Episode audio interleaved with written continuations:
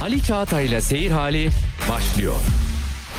Güne erken başlayanların, gündemi ıskalamayanların, siyasetin, ekonominin, sanatın, kısacası hayatın seyrini kaçırmayanların programı. Ali Çağatay'la Seyir Hali hafta içi her sabah 7'den 9'a Radyo Sputnik'te. Radyo Sputnik'te seyir halindesiniz. İstanbul 97.8, Ankara 96.2, İzmir 91.0, Bursa 101.4 ve Kocaeli 90.2 frekansından bizi dinleyebilirsiniz. Yalanlar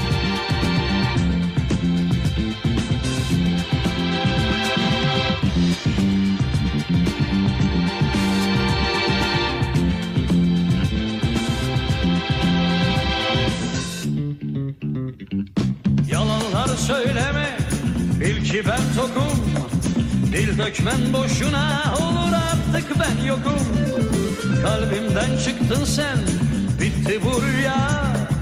Şaşıyorum severdim seni ben güya. Çaren yok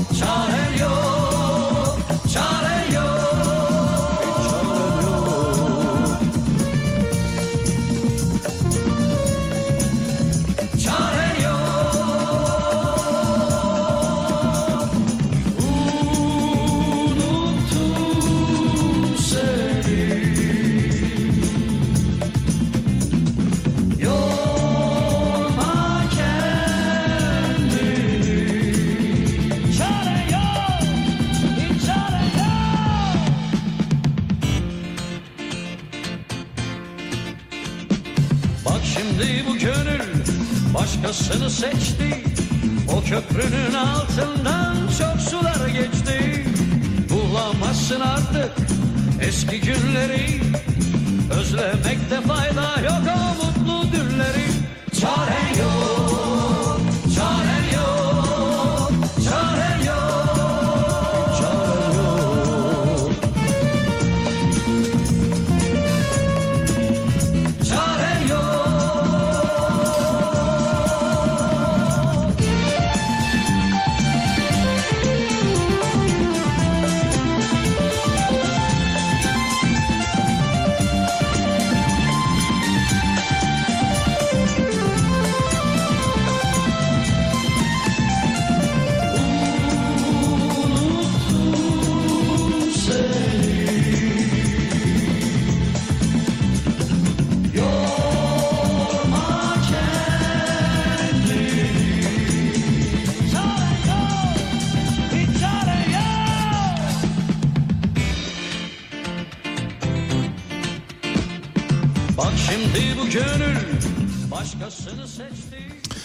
Bugün bir izleyici istekleri programıyla karşınızdayız. Erkut Taşkın'dan size parçalar seçtik. Erkut Taşkın Türk rock'ının kralı. Hemen hemen irili ufaklı, yaşlı genç pek çok rock sanatçısının onun gitarının telleri arasından süzülerek bugünlere doğru geldiğini söyleyebiliriz. Gerçek anlamda büyük bir rock sanatçısı. Bir izleyicimiz bugün Erkut Taşkın yapalım dedi. Biz de tamam dedik. Erkut Taşkın'ı daha önce bir kez anma vesilesiyle gündeme getirmiştik. Şu anda dinlemekte olduğunuz parça Çaren Yok. Erkut Taşkın 2020 yılında kanserden hayatını kaybetti. 80 yaşında. Kendisi Heybeliada Deniz Okulu mezunu. Bir denizci, deniz subayı. Genç, namzet bir subay olarak Deniz Kuvvetleri Orkestrası'na da katıldı ayrıca. Silahlı Kuvvetlerin aynı zamanda yüzme şampiyonu. Deniz Harbi Okulu ve Deniz Lisesi Orkestrası'nın vokal grubunda kendini gösterdi. Durul Gence ile birlikte çaldı. Durul Gence de bildiğiniz gibi büyük orkestra sahiplerinden bir tanesi. Önemli müzisyenlerimizden Durul Gence'nin arkadaşı, yakın çalışma arkadaşı. Hayatı biraz yoksulluklar içinde de geçti.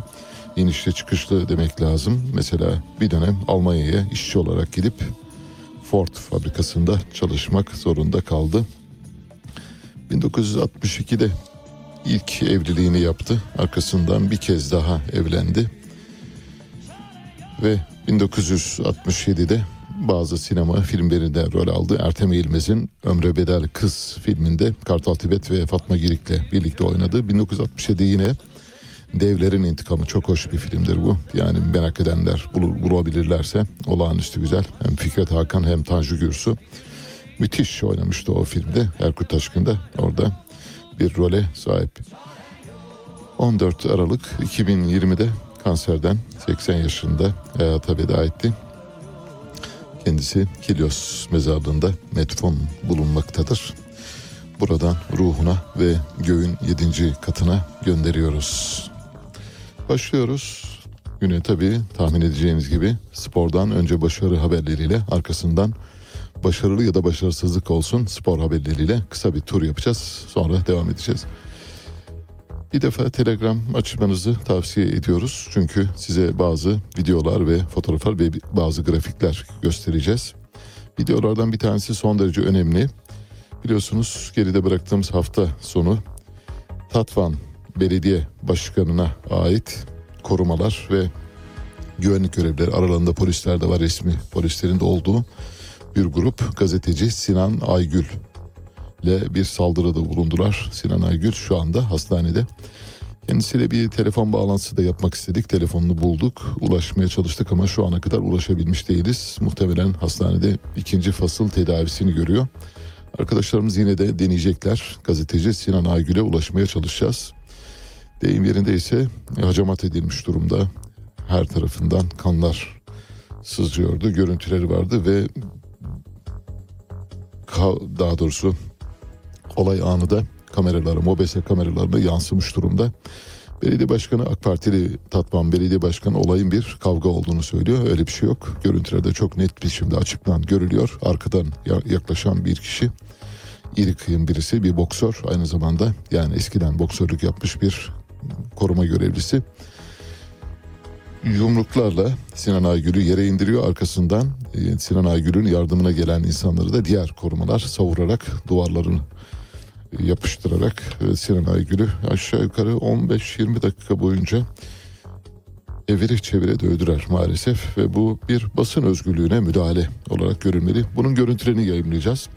Sinan Aygül'le telefon bağlantısı yapabilirsek tabii kendisine de ulaşacağız. Bir telefon bağlantımız daha olacak. Önemli bence bugün saat ye- 7.40'da Akşam gazetesi spor müdürü Kenan Karcı ile konuşacağız. Kenan Karcı bildiğiniz gibi İstanbul'da oynanan Inter Manchester City Avrupa UEFA Şampiyonlar Ligi final maçı ile ilgili olarak bir yazı kaleme almıştı. Bu yazıdan anlıyoruz ki söz konusu final Türkiye açısından tam bir futbol fiyaskosu olarak gerçekleşmiş durumda. Ayrıca Futbol Federasyonu Başkanı Mehmet Büyükekşi'nin kendisine UEFA'dan gönderilen 2300 biletin önemli bir bölümünün 1400'ünün akıbetini soruyor. Bu 1400 bileti kime verdiniz, sattınız ya da kimlere bağışladınız diye soruyor. İşin içinde böyle hafif küçük bir e, ne derler akçalı durum da var. Bunu da konuşacağız ama asıl önemlisi belki de bu akçalı durumdan ötesi büyük bir başarı olarak sunuyor Mehmet Büyükekşi. Futbol Federasyonu Başkanı bu bir turnusol kağıdıydı bizim için.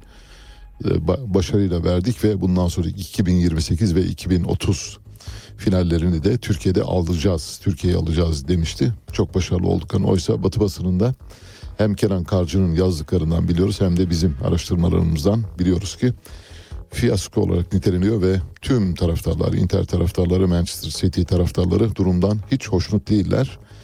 Eziyet ve eza çektiklerini ifade ediyorlar. Bir başarısızlık abidesi Futbol Federasyonu Başkanı biliyorsunuz önümüzdeki günlerde 22 Haziran'da bir genel kurula bu genel kurulda tekrar seçilecek. Kulüpler Birliği ve kulüplerin pek çoğu Futbol Federasyonu Başkanı Mehmet Büyükekşi'ye karşı olmasına rağmen yukarıdan irade beyanıyla tekrar seçilebileceği iddia ediliyor. Ancak biz görevimizi yapalım. Kenan Karcı ile konuşacağız saat 7'ye 7'yi 40 geçe yani 8'e 20 kala kendisiyle konuşmuş olacağız. A milli kadın voleybol takımımız bir engeli daha geçti. Dominik Cumhuriyeti'ni mağlup etti 3-1 ve böylece gruptaki yerini sağlamlaştırmaya başlıyor. Tayland'daki ilk maçını 28 Haziran çarşamba günü saat 13'te Japonya'ya karşı oynayacak. Bu arada maçı bildirmiş olalım. Dünkü maç erken saatlerdeydi. Saat 12'de.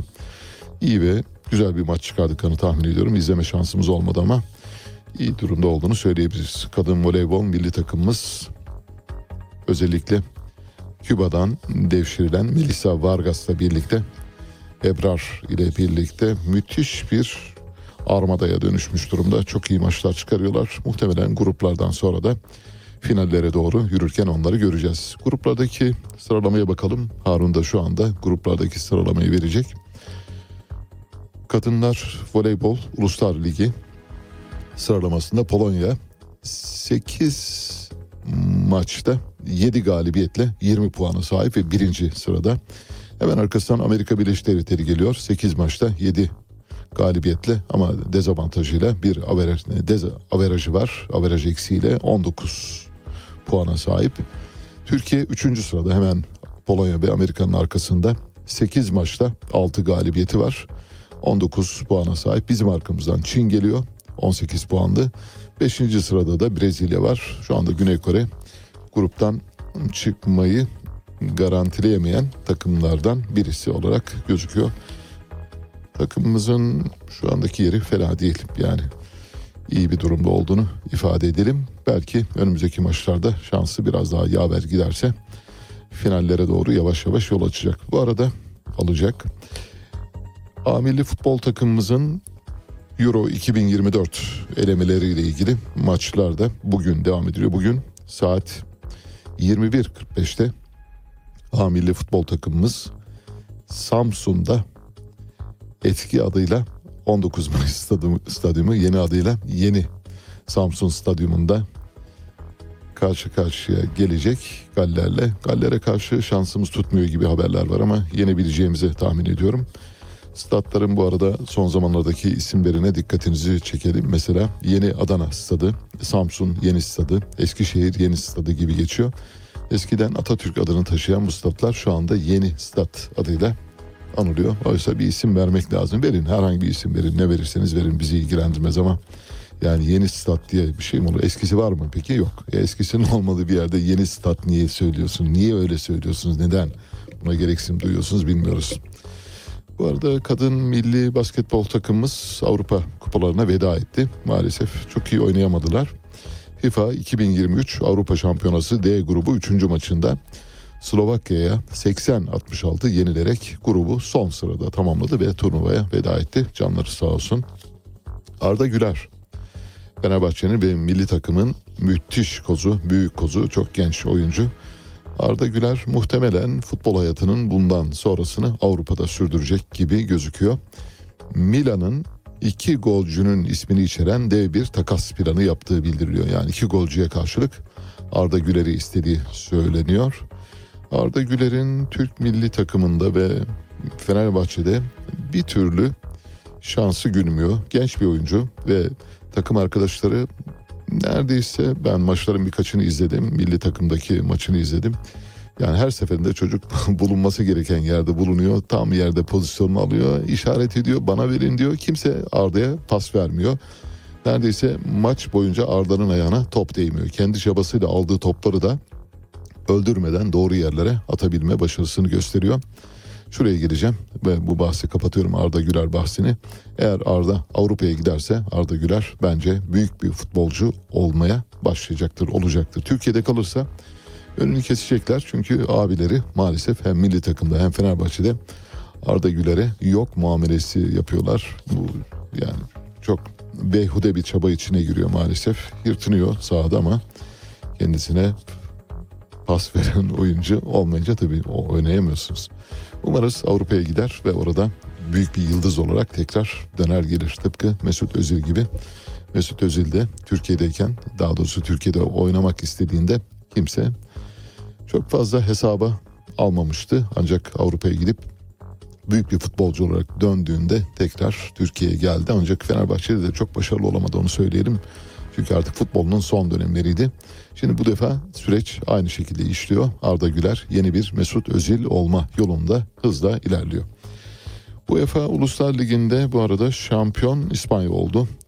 Çok heyecansız, cansız ve temposu düşük bir maç vardı. UEFA Uluslar Ligi üçüncü kez düzenleniyor biliyorsunuz. Son maçı Hırvatistan'da İspanya oynadı ve maçın normal süresi 0-0 sonuçlandı. Sonra penaltı atışlarına geçildi. Penaltılarda İspanya 5-4 galip geldi ve kupanın sahibi oldu.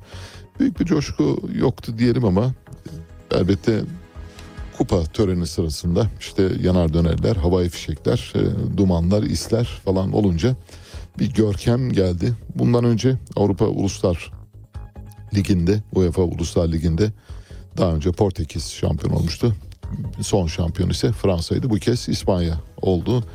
Gelecek e, şu pa- kupanın herhalde sahibi de İngiltere olur diye düşünüyoruz. Çünkü Avrupa'da dolaşıyor kupa şu anda.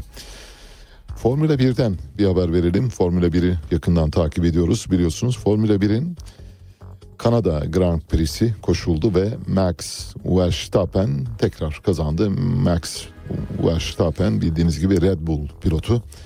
Çok iyi bir dereceyle tamamladı. Sezonun 9. yarışı bu biliyorsunuz Kanada Montreal'de yapılıyor. 4361 metrelik bir e, parkurda bir pistte gerçekleşiyor. 70 tur üzerinden. Max Verstappen yarışı zirvede tamamladı. Hemen arkasından 9 saniye 5.70 ile İspanyol Fernando Alonso geldi Aston Martin ekibinden. Onun 10, liderin 14 saniye gerisinde de Mercedes takımının tecrübeli pilotu ve bir zamanların kartal sürücüsü Lewis Hamilton geldi. Lewis Hamilton ancak üçüncü olabildi. Artık Lewis Hamilton eski günlerinde değil maalesef. Red Bull'dan Max Verstappen 6 kez Sergio Perez de yine aynı takımdan 2 kez podyuma çıktı. Dolayısıyla şu anda bu yıl itibariyle bu yılki sıralamalar itibariyle Red Bull takımı Max Verstappen ve Sergio Perez'in puanları sayesinde birinci durumda. Pilotlar ve takımların klasmandaki yerleri şöyle onları da tek tek sayalım. Max Verstappen Hollanda'dan Hollandalı pilot 195 puanla açık ara önde. En yakın takipçisi takım arkadaşı Sergio Perez. Meksikalı 126 puanda. Dik- dikkat edin lütfen 195 puan liderin puanı. Hemen arkasından gelen takım arkadaşı ikinci sıradaki klasmandaki ikinci pilotun puanı 126. Arada müthiş bir fark var. Fernando Alonso İspanyol 117 puana sahip. Çok çok gerilede Lewis Hamilton 102 puanda. Sonra Carlos Sainz geliyor. O da müthiş bir pilot. Ancak ve ancak 68 puan alabilmiş durumda.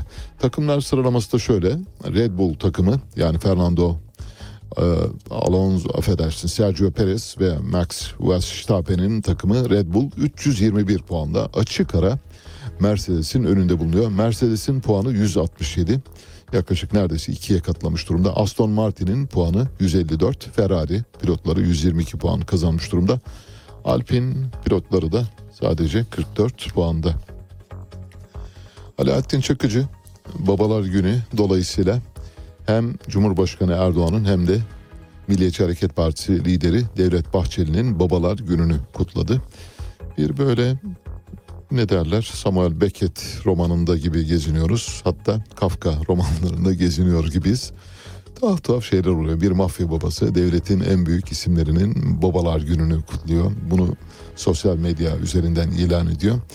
Tabi babalar gününü kutlamasında bir sakınca yok. Ancak sosyal medya üzerinden ilan etmesi işin propaganda kısmını işaret ediyor. Şöyle dedi Alaaddin Çakıcı. Sayın Devlet Başkanımız Recep Tayyip Erdoğan'ın ülkücülerin babası olan Sayın Genel Başkanım Devlet Bahçeli'nin ve aziz milletimizin babalar gününü kutlarım. Rabbimin rahmeti ve bereketi aziz milletimizin üzerine olsun diyor.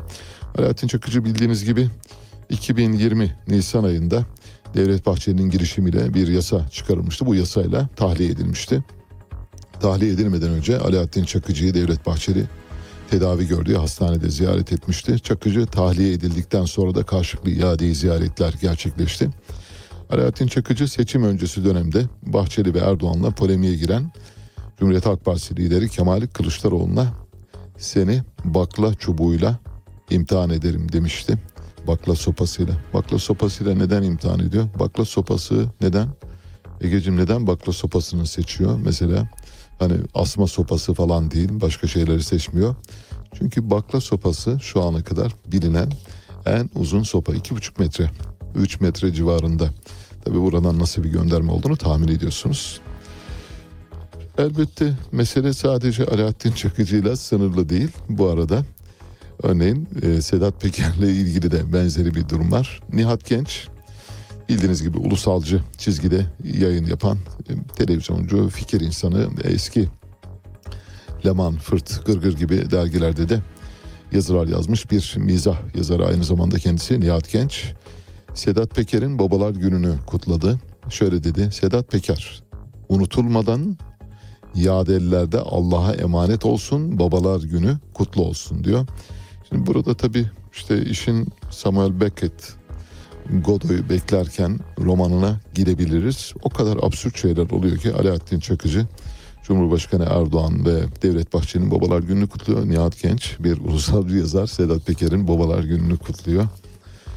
Yani söyleyecek şey bulamıyoruz tabii elbette. Bir izleyici mektubu var onu paylaşalım. Sosyal Güvenlik Kurumu'nun ödemeleriyle ilgili olarak herkesi ilgilendiriyor bu bakımdan. Bildiğiniz gibi bir kişi babasının kanser ilaçlarının alınması için dava açıp ve davalar sonunda kanser ilaçlarını temin edebilmişti ancak babası vefat etmişti maalesef.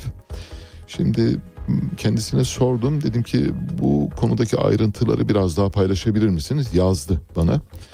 E, bu mektubu çok kısacık bir mektup okuyacağım. Herkes için e, bence önemli. Yani bu durumda olan, hastası olan insanlar varsa onlara da yol göstermesi bakımından.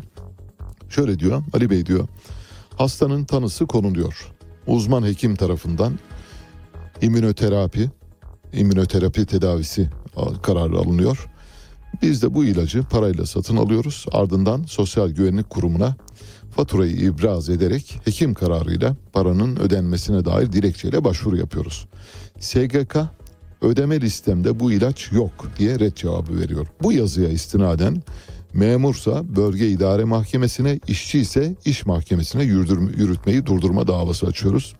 Ara karar 3-4 günde çıkıyor. Aldığınız bu yürütmeyi durdurma kararıyla her ilaç alındığında SGK'ya fatura ve evrakla başvuru yapıyorsunuz. Bu süreç boyunca arka planda mahkeme devam ediyor. SGK itiraz ediyor. Konu bilirkişi heyetine gidiyor. Uzman onkologlar karar veriyor.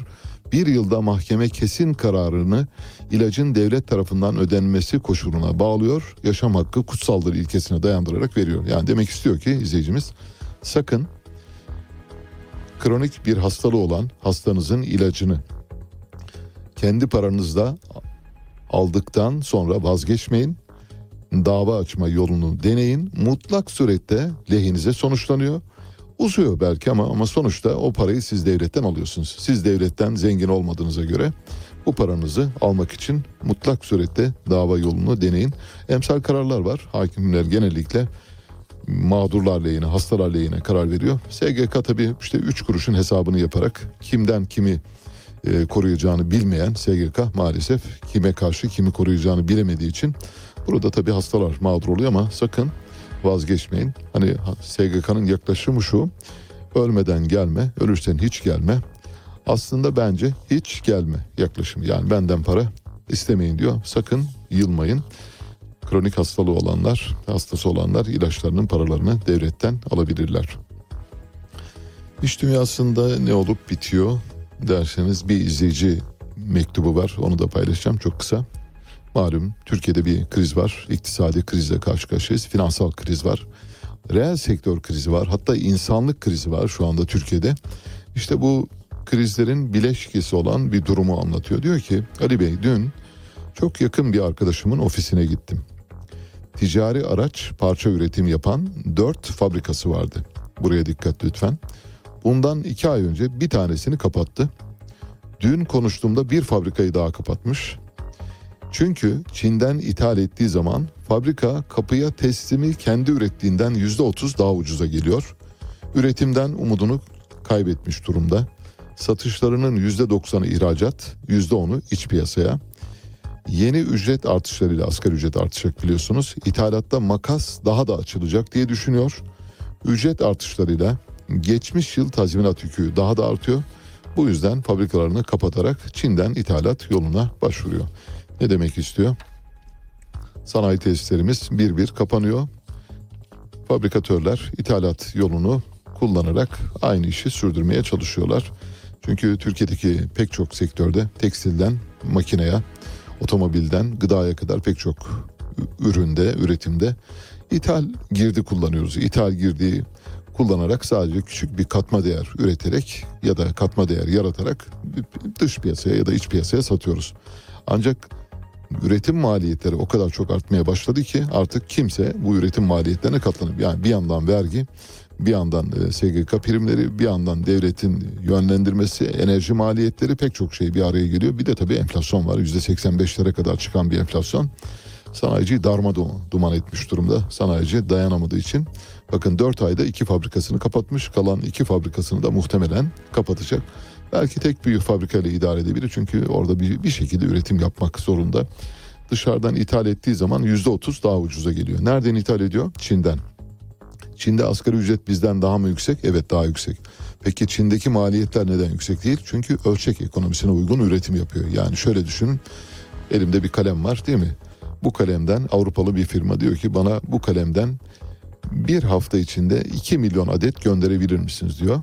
Çin'e yazıyor bunu. Çin diyor ki tabii hemen diyor. Hatta bir haftada gönderirim size. Türkiye yazıyor. Türkiye diyor ki abi bu iki haftada olmaz. Bu çok uzun sürer. Bunu 6 ayda falan gönderir sana.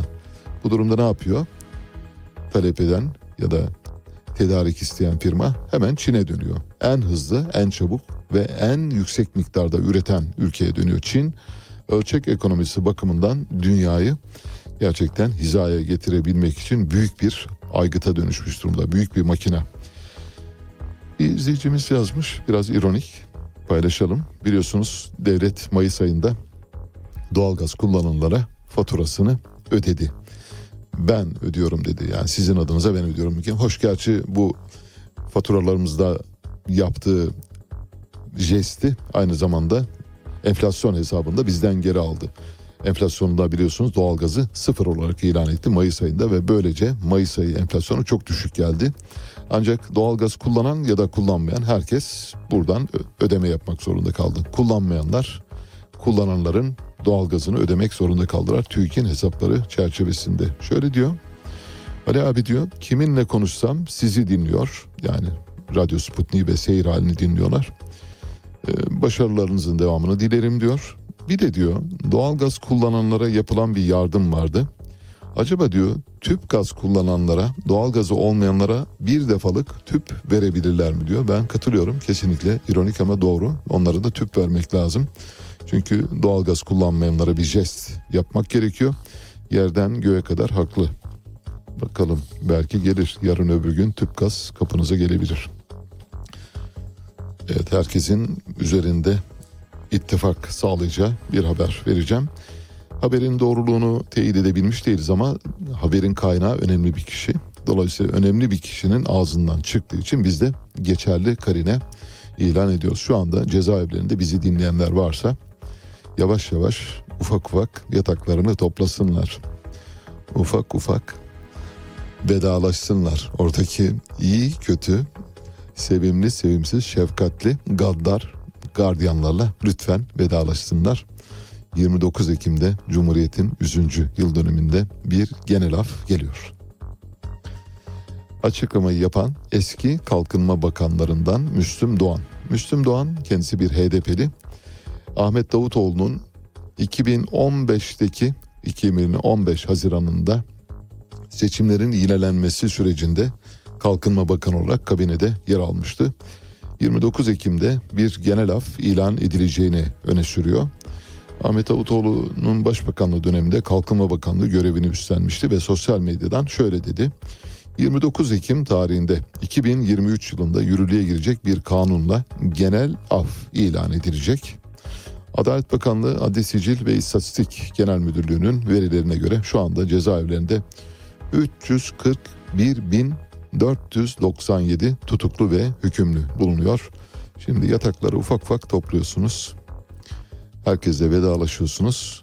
O size böyle kan kusturan gardiyanlar da dahil olmak üzere dışarıda görüşürüz. Hakkını helal et deyin. Bence yavaş yavaş yürüyün. Evet bir genel af geliyor. Müslüm Doğan kendisi Alevi Kürt kökenli bir siyasetçi. HDP'de siyaset yapa gelmiş. Eski Kalkınma Bakanı kısa bir dönem Kalkınma Bakanlığı 63. 63. Türkiye Cumhuriyeti hükümetinde görev yaptı. Ahmet Davutoğlu'nun başbakan olduğu kabinede HDP üyesi olarak görev yapıyordu. HDP'den de ayrıldı. Bir izleyicimiz yazmış. Ben de küçük bir araştırma yaptım ve doğrusunu bulduk. Daha doğrusu olayın gerçek yönünü ortaya çıkardık. Şöyle diyor izleyicimin mektubu. Önce onu paylaşayım sonra benim araştırmamdan küçük bir bölüm vereceğim. Paris'te düzenlenen Moon Life dergisi ödül töreniyle ilgili 400 davetli Intercontinental Otel'de ağırlanmış Paris'te. Bu ödülün ne ödülü olduğu belli değil. Türkler Paris'e çıkarma yapmış diye haber yapıldı. Ben de international bir yarışma zannettim. Paris'in gecelik konaklama fiyatı 10 bin liranın üzerinde olan bu kadar pahalı bir otelde verilen davetin ve davetlilerin ücretleri nasıl karşılandı acaba? Bizim millet bedava olmasa gitmez. Bence bu pahalılıkta başka türlüsü düşünülemez. Bu derginin sahibi kimdir? Ne iş yapar?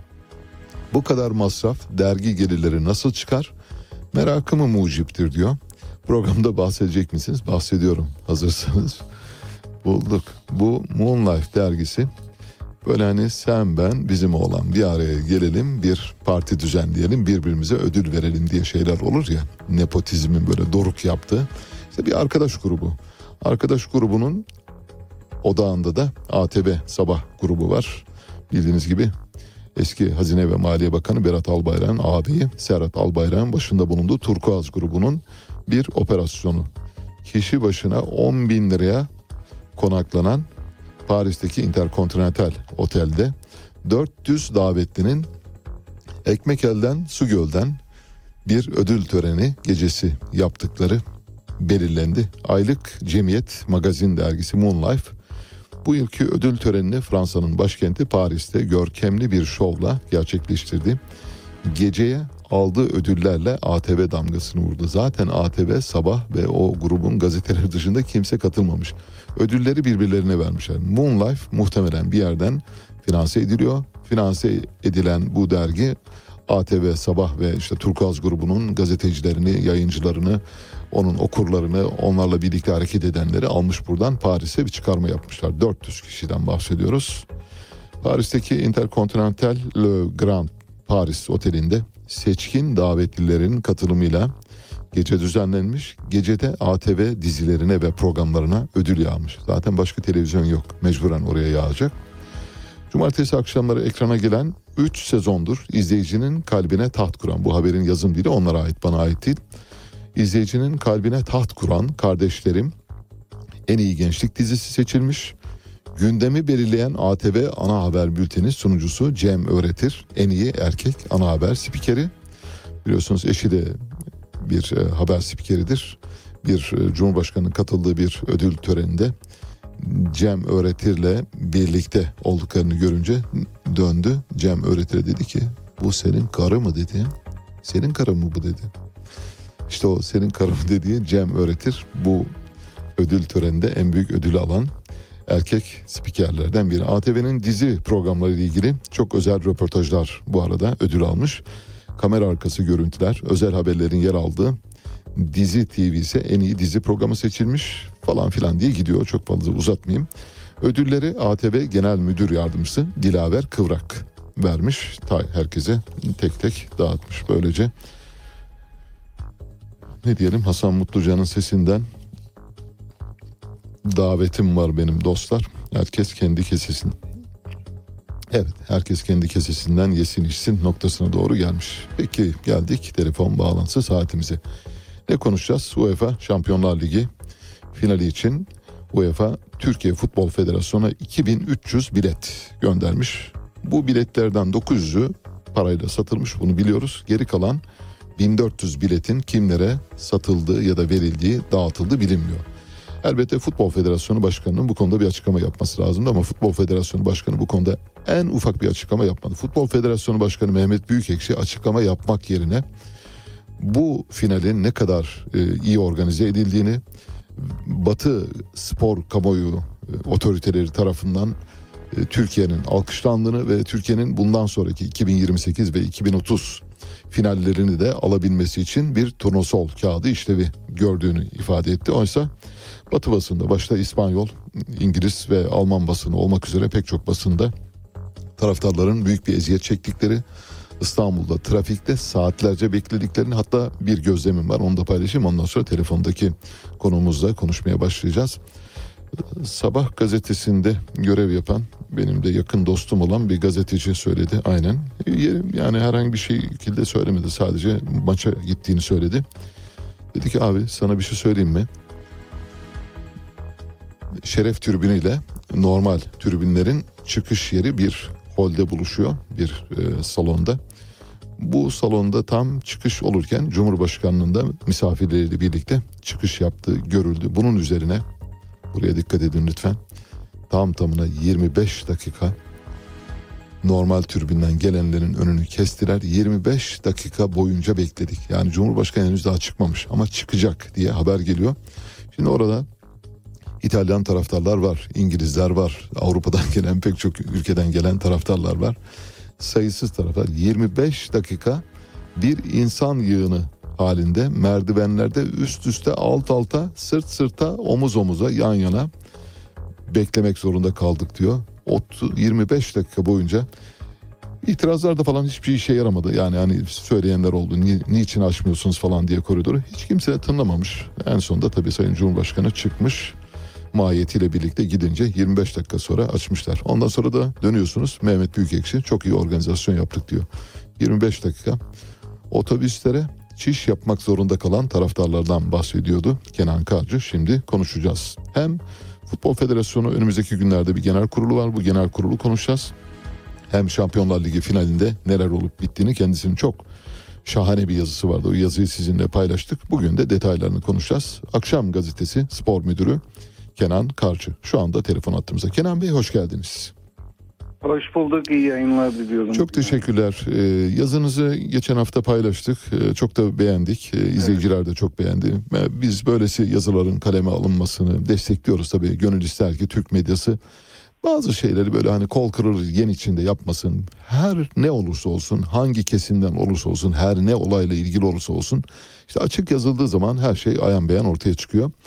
Bize hem e, bu yazınızda tekrarlamak istemediğiniz ya da tekrarlayamadığınız ya da yazamadığınız e, unsurlar varsa onları anlatmanızı rica ediyorum. İki, genel kurulda, Futbol Federasyonu genel kurulunda nasıl bir sonuç çıkar?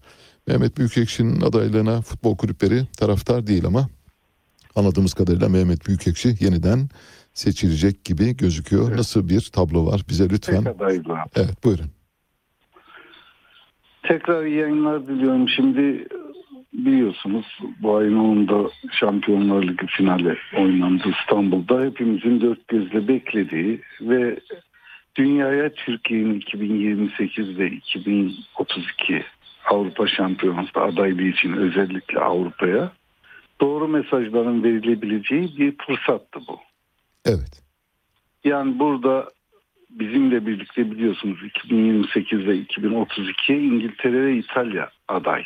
Evet. Ve iki ülkenin iki güzide takımı gelmiş Şampiyonlar Ligi oynuyor. Haliyle taraftarı, kamuoyu da bütün dikkatini İstanbul'a çevirmiş durumdaydı. Tabii. Bu aslında bizim bu organizasyonu yapmakla görevli olan Futbol Federasyonu'nun aday olduğu 2028 ve 2032 için iyi bir tanıtım yapması için çok önemli bir fırsattı ama ne yazık ki heba edildi. Burada benim yazımda sadece bilet konusu milletin tabii. dikkatini çekmiş ama onun dışında gerçekten çok ciddi sorunları da dile getirmiştim ben o yazıda. Batı basının özellikle İngiliz ve İtalyan basının bizleri nasıl konumlandırdıkları. Hani dediniz ki kol kırılır yerin içinde kalır. Bunun yerin içinde kalacak bir durum yok. bütün dünya, bütün dünya gözü önünde gerçekleşen bir olay. Neyi kimden saklayalım diyorsunuz Canlı tabii. Evet canlı izlediği bir olay. Hani mahremiyetleri gizlemeye biz de çok şey değiliz yani aşikar etmeye çok Anladım. dünyanın gözünün önüne dökmeye anlıyorsunuz yani. Tabii tabii çok iyi anlıyorum. Ya sakın ha, özel şeyler vardır tamam biraz örtbas. Hani böyle milli duygular, milli menfaatler Evet, söz konusu evet, olduğunda evet. işte yani kan kusar kızılcık şerbeti içersiniz. O ayrı. Onu herkes yapar. Evet, Doğru. ama- Tabii. Ama şimdi bizim dışarıya bu kadar güçlü mesajlar vermemiz gereken bir organizasyonda kendi içimizde Aa, biz harikayız falan filan diye böyle kendimizi pop poplayıp dışarıda bambaşka şeyler konuşurken kendimizi kandırmak bu bambaşka bir şey. Bu yerle falan açıklanacak bir durum değil. O yüzden ben bu yazıyı kaleme aldım. Burada federasyona gelen siz de bahsettiniz bir 1300 2300 biletin 900 tanesi yöneticilere dağıtılmış. Yazımda da belirtmiştim. Onlar parayla satılmış 30'ar tane. Evet. Geri kalan başkanın uhdesindeki 1400 bileti son güne kadar beklemişler, satamamışlar da son gün portföylerindeki milli takım sporcular başta olmak üzere listelerindeki isimlere göndermişler. Önce paralı göndermişler bunları. İnsanlar tabii istemedikleri biletin paralı geldiğini görünce isyan etmişler. Evet. 18, 16, 17 bin lira ediyor yani Türkiye şartlarında iyi bir para. Tabii çok iyi. para. Birinci kategori ve ikinci kategori bileti 690 euro ve 490 euro bunların tanesi. İtiraz edenler olmuş ya kardeşim biz bilet istemedik diye bize paralı bilet gönderin. Ha, bu defa pardon özür dileriz yanlış oldu biz sizi maça davet ettik. Bilet bileti almayacağız demişler. Evet. Hani tutturabilseydi satacaktı ama tutturamadı. Evet. Bilet meselesi böyle. Yani bu defa hediye olarak gitmişler. Bu da tabii burada da kaos olmuş. Verilmesi gerekenlere verilmemiş. Verilmemesi gerekenlere gitmiş. Haliyle bu kadar ücretsiz bilet gidip de yani bir numara olanlara değil de iki üç numaralara gidince daha çok sorun çıkmış. Böyle bir tartışma yaşanmış. Onu dile getirmiştim ama onun dışında dediğiniz gibi asıl mevzumuz Türkiye'nin 2028-2032 adaylığını burada doğru anlatmak gerekiyordu. Maalesef çok çok çok ciddi. Siz de bahsettiniz. Aksamalar olmuş. Tabii. Öyle ki yani otobüslere bu işin üç ayağı vardı. Federasyon, yerel yönetim yani nedir? Belediye. Büyükşehir Belediyesi ve valilik Evet. bu işi doğru organize edebilirlerdi. Bir Avrasya Maratonu için yolları kapatıyorsan o güzergaha giden üç tane ana yol var. Birini kapatabilirdin öğlenden sonra. Tabii. Oradan insanları servis ederdin, toplanma noktaları belirlerdin, insanları orada toplayıp o biletle birlikte otobüslerde belli numaralar verebilirdin. Bir sürü alternatif organizasyon seçenekleri ortaya koyup doğru gönderebilirdin. insanları geri getirebilirdin. 400 euro, 300 euro taksi parası alınmış insanlardan. Evet. Bizim ülkemiz sadece spor açısından değil, ülkemizin imajı açısından çok çirkin. Tur rehberlerine yani UEFA taksiye binmeyin uyarısı yapıyoruz dolaylı şekilde. Evet maalesef. Buradaki taksici esnafı için de çok ciddi bir sorun. Önce onlar kendilerini oturup bir sorgulamalı yani. Böyle yanlış yanlış uygulamaların aslında uzun vadede hepimizin zararına, öncelikle onların zararına olduğunu bilmeleri lazım. İstanbul'a giren yabancılar taksiye binmeyi çekiniyorlar. Evet maalesef. Bunu açıkça dile getirmemiz lazım. Yani bunlar bu sorunları düzeltmemiz lazım. Yani bir taksici esnafını 40 senedir İstanbul düzeltemedi. evet. Doğru. Yani bu bu sadece sportif dediğim gibi bir sorun da değildi. O yüzden ben bu kadar sert bir yazı yazdım. Çünkü gerçekten yani biz burada aa biz harikayız falan filan yani kendimizi kandırmanın bir alemi yoktu. Ne gibi tepkiler geldi Kenan Bey size? Yani federasyondan ya da spor camiasından nasıl tepkiler geldi? Çok fazla tepki oldu. Federasyon kabul ediyor. Bu organizasyonda yeteri kadar iyi bir organizasyon yapamadık. Evet, e, Mehmet Büyükekşi Anadolu öyle. turnasol kağıdı oldu diyor. Çok başarılıydık diyor. İsim vermeyeceğim ama bana bu yoldan gelen dönüşler oldu. Evet. Yani bazı şeylerin evet kusurlu yapıldığını kamuoyundan özür dilediklerini söylediler ama tabii burada dediğim gibi asıl önemli olan bizim için çok ciddi bir fırsat kaçtı. Biz burada iyi bir tanıtım yapabilirdik.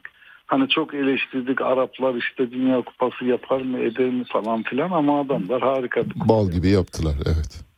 İlk defa ilk defa hiçbir İngiliz taraftara zarar gelmeden İngilizler evine döndü Katar'dan. Bu haber olmuştu o dönem. Doğru. İngiltere'den giden hiçbir taraftarın burnu kanamadan geri gelmişler. Bu kadar iyi biliyorsunuz İngilizler fanatik Rusya'da bir sürü yaralananlar falan Evet. tutuklananlar ama Katar'dan herkes sağ salim evine döndü. Yani önce eleştirilse de sonra hakları teslim edildi.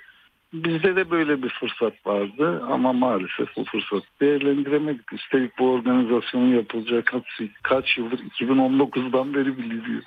Yani bu kadar doğru planlama. Hani hani deprem olsa anlarım değil mi? Yani başınıza gelmiş yani. Evet. Tabii zaman ve fırsat varken bunu bu şekilde kullanmak çok Heba edildi. Aynen. evet maalesef maalesef. Evet. Zaten. Peki birkaç cümlede 3 dakika vaktimiz var. Ee, Futbol Federasyonu Genel Kurulu ile ilgili bir şeyler söylemek isterseniz e, dinlemek isteriz.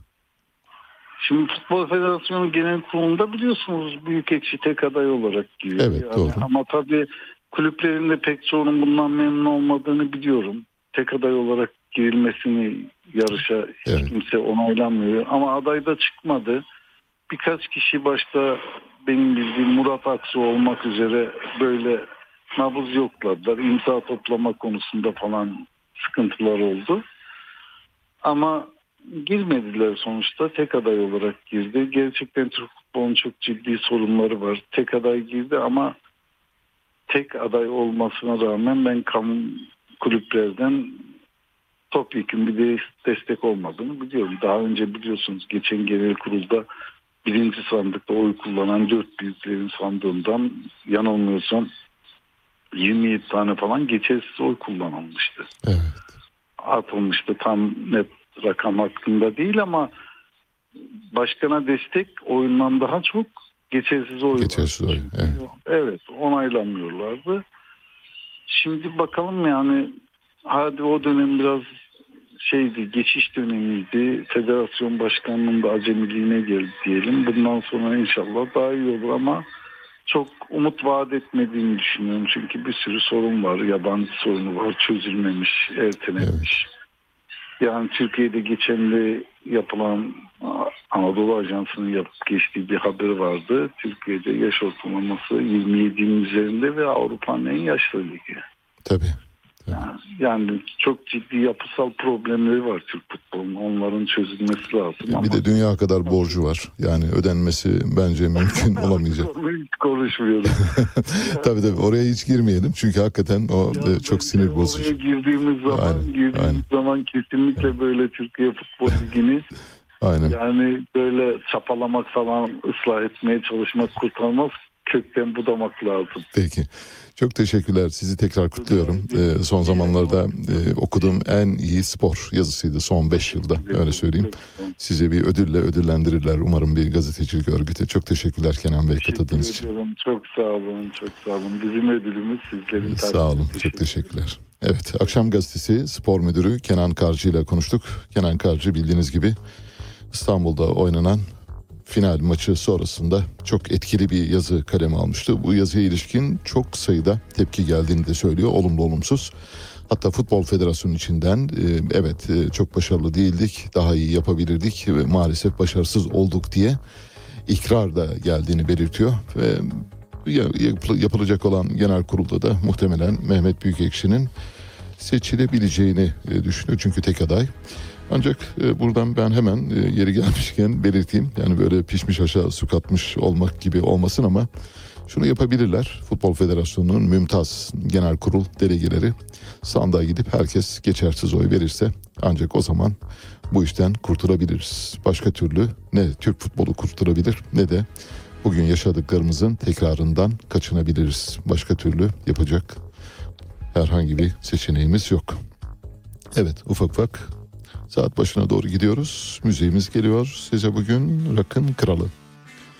Tüm zamanlar itibariyle Türk Rock'ının Kralı Erkut Taçkın'dan parçalar seçtik. Seni görünce.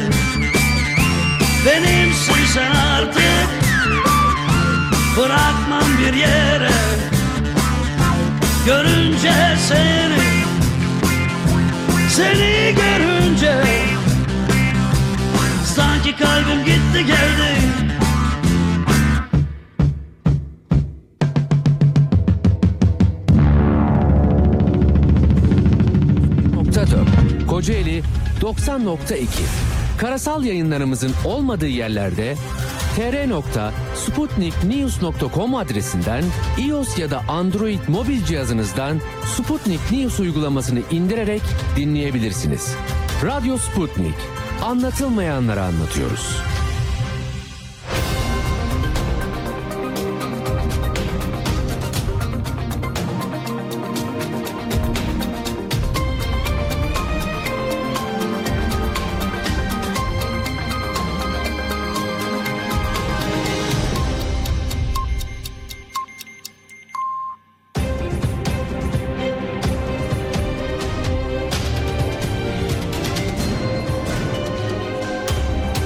Radyo Sputnik. Anlatılmayanları anlatıyoruz. Güne erken başlayanların, gündemi ıskalamayanların, siyasetin, ekonominin, sanatın, kısacası hayatın seyrini kaçırmayanların programı. Ali Çağatay'la Seyir Hali hafta içi her sabah 7'den 9'a Radyo Sputnik'te. Evet şimdi küçük bir iki not ileteceğim yayının bundan sonraki bölümüne ilişkin. Tatvan'da AK Partili belediye başkanının koruma polisleri ve güvenlik görevlileri tarafından öldüresiye dövülen gazeteci Sinan Aygül'e ulaşmaya çalışıyoruz. Ulaşırsak e, telefon bağlantısı yapacağız. Kendisi hastaneye yatırılmış ikinci kez. Eğer bulabilirsek konuşmak isteyeceğiz. Tabii bu olayı ayrıca gündeme getireceğiz. Programın bundan sonraki bölümüne ilişkin küçük bir iki bilgi notu paylaşmak istiyorum.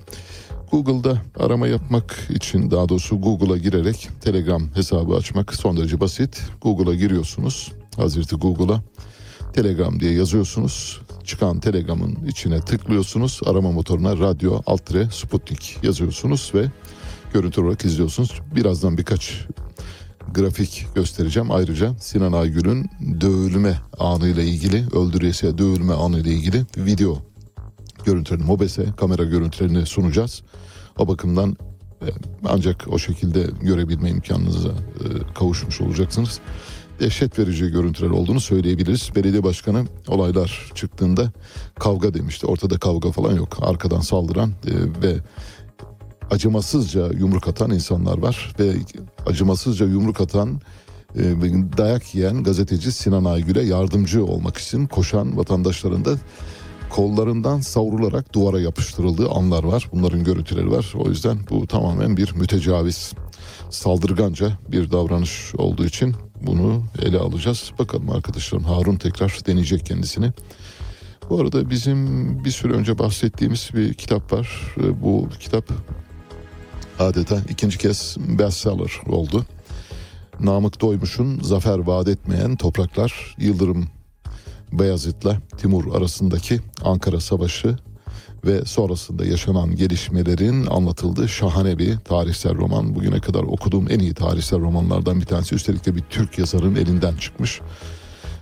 Yani tarihsel roman yazmak zordur. Mesela e, Vladimir Bartol'un Alamut romanı da böyledir. Müthiştir. O bir yabancı ve Şia'yı, Batınileri anlatabilen, İsmailiye mezhebini anlatabilen yani bir Müslümanın ancak bilebileceği ayrıntılara sahip bir yazar zenginliğiyle yazmıştı. Onu da mesela tavsiye edebilirim. Alamut'u. Alamut'u oku- okumayanlar varsa lütfen çok büyük kayıptır söyleyeyim size. Alamut dünya siyasi tarihinde ve siyasi romancılık bakımından önemli kitaplardan bir tanesi. Zafer Vaat Etmeyen Topraklar kitabı ilk kez Doğan Kitap'tan çıktı. Sonra başka yayın evleri de basmaya başladılar. Ancak şu anda piyasada baskısı yok. Bir izleyicimiz e, gönderebilir misiniz sizdeki kitabı dedi. Birkaç günlüğüne bayramda okuyayım göndereyim dedi. Şu anda ekranda gösteriyorum. İzleyicimize gönderiyorum. Hediye ediyorum. Benim e- elimdeki yegane kitap bu. İleride tekrar basılırsa ben kendim alırım ama önce birilerinin faydalanması lazım. Bugün kendisine kargoyla göndereceğiz. Bugün olmasa bile yarın en geç kargolayacağız. Kendisine göndereceğiz. Böylece bir izleyiciyi de en azından bayramda okuyacağı bir kitaba kavuşturmuş olacağız. Cumhuriyet Halk Partisi eski milletvekili ve Adalet ve Kalkınma Partisi'nin dört kareasından biri olan Bülent Arınç, Abdullah Gül, Recep Tayyip Erdoğan'la birlikte partiyi kuran dört önemli isimden biri olan Abdülatif Şener. Şu anda Abdülatif Şener son bir haftanın en çok tartışılan siyasi kişisi. Abdülatif Şener Halk TV programının da ben birinci turda Sinan Oğan'a oy verdim. İkinci turda ise geçersiz oy kullandım dedi canlı yayında. Bunun üzerine gazeteciler araştırdılar. İşte gazetecilik burada devreye giriyor. Yani gazetecilik dediğimiz şey yani bu bir meslek olarak mesela nerede gazetecilik kendini konuşuyor? İşte biraz önce konuştuk. Kenan Karcı mesela yaptı, yapmış, koymuş. Artık onun o yazısı tarihte önemli bir yer. Önemli bir dönemeci işaret ediyor. Burada da gazeteci arkadaşlarımız hemen Abdülatif Şener'in oy kullandığı sandıktaki tutanaklara ulaştılar ve Abdülatif Şener'in ayak üzeri de ayak üzeri 40 yalan söylediği ortaya çıktı böylece. Hiç söylediği hiçbir şey doğru değil bir defa. Birinci turda Sinan Oğan'a oy verdim dedi ancak bunu kanıtlayabilecek durumda değiliz. Çünkü o turda Sinan Oğan'a oy verdim dediği turda 27 oy verilmiş. Bunun hangisi kendisine ait bilmiyoruz. Muhtemelen orada da bir saptırma olabilir ama şu saptırma kesin. Tutanakları buldular gazeteci arkadaşlarımız ıslak imzalı tutanakları. Abdülatif Şener'in ilk turda ekrana getiriyor arkadaşlarımız şimdi. İlk turda Sinan Oğan'a oy verdim. ikinci turda geçersiz oy kullandım dediği sandıktan ikinci turda tek bir geçersiz oy çıkmamış. Nasıl? Ayaküstü 40 yalan çeviren eski bir Maliye Bakanı'ndan bahsediyoruz. Ben bir tweet attım bendeniz. Son tweetim merak edenler bakabilirler. Tweetimi tabii yanlışa düşmemek için buradan paylaşayım. Arkadaşlarımız da belki ekrana getirebilirler. Çok okundu bu arada söyleyeyim. 197 bin görüntülenme aldı. Şöyle dedim kısacık bir tweet. Abdülatif Şener hadisesi göstermiştir ki Recep Tayyip Erdoğan'ın son 20 yılda yakın çevresinden uzaklaştırdığı isimler bunu hak etmişlerdir. Bir daha söylüyorum. Abdülatif Şener hadisesi göstermiştir ki Recep Tayyip Erdoğan'ın son 20 yılda yakın çevresinden uzaklaştırdığı isimler bunu hak etmişlerdir. Ne demek istiyoruz? Abdülatif Şener bunu bin defa hak etmiş. Recep Tayyip Erdoğan bu tabi Recep Tayyip Erdoğan'a bir güzelleme değil. Onu öyle algılayanlar oldu öyle değil. Öyle olsa zaten açık açık söylerim ya da öyle olsa bunu niyetimi çok önceden belli ederim. Öyle bir şey yok. Sadece şunu söylemek istiyorum. Şu ya da bu şekilde. Bugün 20 yıl önceki AK Parti kadrolarının arasında olup da bugün orada olmayanların hemen hemen hepsi muhtemelen bunu hak ettikleri için dışarıda tutulmuşlardır, dışarıya itilmişlerdir. Burada haklı ya da haksız sebepler ileri sürülebilir. İşin o kısmına girmiyoruz ama Abdülatif Şener bunun canlı örneği. Yani bu tweetteki canlı örnek Abdülatif Şener. Ayaküstü 40 yalan söyleyen eski bir bakandan bahsediyoruz. Muhtemelen AK Parti içinde de aynı şeyleri yaptığı için Sayın Cumhurbaşkanı'nın öfkesini celbetmiş olabilir. Öfkesine mazhar olmuş olabilir. Bu yüzden de oradan uzaklaştırmış olabilir. Tabii o sonradan kendi kendine ben yolsuzluklara izin vermedim. Ben haksızlıklara göğüs gerdim. Ben e, yetimin hakkını, yoksulun hakkını yedirmedim. Ben öksüzün hakkına e, kimseye kimsenin musallat olmasına izin vermedim gibi böyle urvi şeyler söylemişti. Öyle bir şey olmadığını anlıyoruz. Demek ki Abdülatif Şener dün neyse bugün de o. Cumhuriyet Halk Partisi'nde sergilediği tutumu son seçimde milletvekili listelerinde çıkmayınca hemen rotayı çevirip ikinci turda Kemal Kılıçdaroğlu'na oy vermesi gerekirken geçersiz oy verdiğini söylüyor. İşte burada ıslak imzalı tutanağı burada. Abdülatif Şener 4090 sayılı sandıkta oy kullanmış. Islak imzalı tutanakta 321 kişinin oy kullandığı biliniyor. Bu sandıkta Recep Tayyip Erdoğan'a 57 oy, Kemal Kılıçdaroğlu'na 264 oy çıkmış. Tek bir geçersiz oy çıkmamış. Demek ki Abdülatif Şener ayaküstü yalan söyleyen bir devlet görevlisi. Bu utanç verici bir durum. Biz yani bu durumda olmaktansa hani ne derler? Hani Allah canımızı alsaydı, ölseydik, bugünü de görmeseydik derdik. Ama kendisi böyle yapmıyor. Kendisi ne yaptı? Gitti. Mardin'de halay çekti. Halay çekerken de arkasından bir paylaşımda bulundu. Arkadaşlarımız verecekler halay görüntülerini. Bu arada halayda ve ritim tutturamıyor mesela. Yani ritim duygusu sıfır öyle söyleyelim yani. Herkes bir şekilde oynuyor. Abdülatif Şener başka şekilde oynuyor. Ya da oynuyormuş gibi gözüküyor. Neyse önemli değil yani. Oynayıp oynamamak bir maharet değil elbette. Ama sonuçta bu düğünden tweet paylaştı. Şöyle dedi. İki gündür Mardin Kızıltepe'deyim. Düğünde ve sokaklardayım. Görünen o ki kendi seçim hatalarını unutturmak için oy verdin vermedin üzerinden kamikaze saldırıları yapan medya trollerinin halkta karşılığı yok. CHP'yi önümüzdeki belediye seçimlerinde hezimete sürüklüyorlar. CHP'nin önümüzdeki belediye seçimlerinde hezimete sürükleneceğini ben de söylüyorum. O, o konuda tartışma yok. Çünkü CHP şu anda polarize oldu. CHP'nin Hatta böyle giderse bir baraj sorunu bile olabilir. Yani Cumhuriyeti kuran partinin bir baraj sorunu yaşaması bile söz konusu olabilir. Böyle devam ettiği takdirde. Ancak Abdülatif Şener gerçekten e, bu, bu pişkinlik nereden geliyor? Neden bu kadar pişkin davranıyor? Bunu anlamakta çok zorlanıyorum. En sonunda işi öyle bir noktaya doğru getirdi ki kendisini suçlayanları FETÖ'cü olarak ilan etti. İlk turda Sinan Oğan'a oy verdim demişti. İlk turda kendi oy kullandığı sandıkta 27 Sinan Oğan oyu çıkmıştı ama bu oyların hangisinin Abdülatif Şener'e ait olduğunu bilemediğimiz için bunun da doğru olup olmadığını bilmiyoruz. Ama ikinci turda geçersiz oy verdiğim dediği sandıktan tek bir geçersiz oy çıkmamış ama kendisi ne yapıyor? Mardin'de halay çekiyor. Halay sırasında da tweet atıyor. Müthiş bir devlet adamına yakışabilecek davranış içinde olmadığını görüyoruz. Bir devlet adamının yapmaması gereken her şeyi yapıyor. Söyleyecek şey bulamıyoruz. Neyse daha fazla üzerine gitmeyelim. Gelelim Tatvan'a. Tatvan'da gazeteci Sinan Aygül. Sinan Aygül neden dövdü? Şimdi görüntüleri gelecek ekranlara. Arkadaşlarımız verecekler. Sinan Aygül'ün dövülme anı, öldüresiye dövülme anının mobese görüntüleri var. Arkadan yaklaşıyor çok iri kıyım ve geçmişte boksörlük yapmış olan bir koruma görevlisi. Üst üste yumruklar atıyor. Bu arada galiba elinde muşta da var bildiğimiz kadarıyla. Çünkü Sinan Aygül'ün yüzünde, burnunda ve yanaklarında, boyun bölgesinde pek çok yerde kanama var. Bu kanama izlerinin yani yumruk atmayla olabileceği değil. Çünkü kesiler var yüzünde aynı zamanda.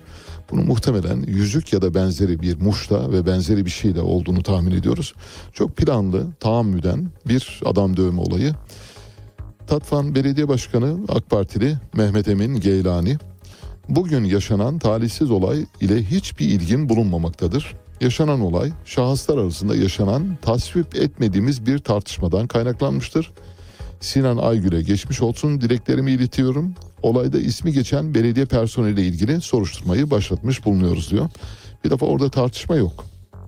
Görüntülere baktığınız zaman göreceksiniz. Arkadan gelen çam yarması gibi bir eski boksör, boksör eskisi yaradana sığınarak öldüresiye dövüyor ve başını koltuğunun altına alarak aşağıdan kafasına kafasına yumruk indiriyor. Diğer arkadaşları da yanındakiler de etraftan yardıma gelenleri püskürtüyorlar. Böyle bir ortam ve belediye başkanı işte burada da yani utanmanın sınırlarını geçtiğimizi anlıyoruz. Bu bir tartışmadan kaynaklandığını söylüyor. Ortada bir tartışma yok.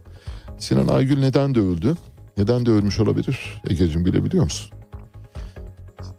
Yok. Peki tahmininiz yok. Ben söyleyeyim. Sinan Aygül Van depremi sonrasında deprem için gönderilen yardım malzemelerinin belediye başkanı Mehmet Emin Geylani'nin ofisinde kullandığı bir ofisinde ortaya çıktığını belgelemişti.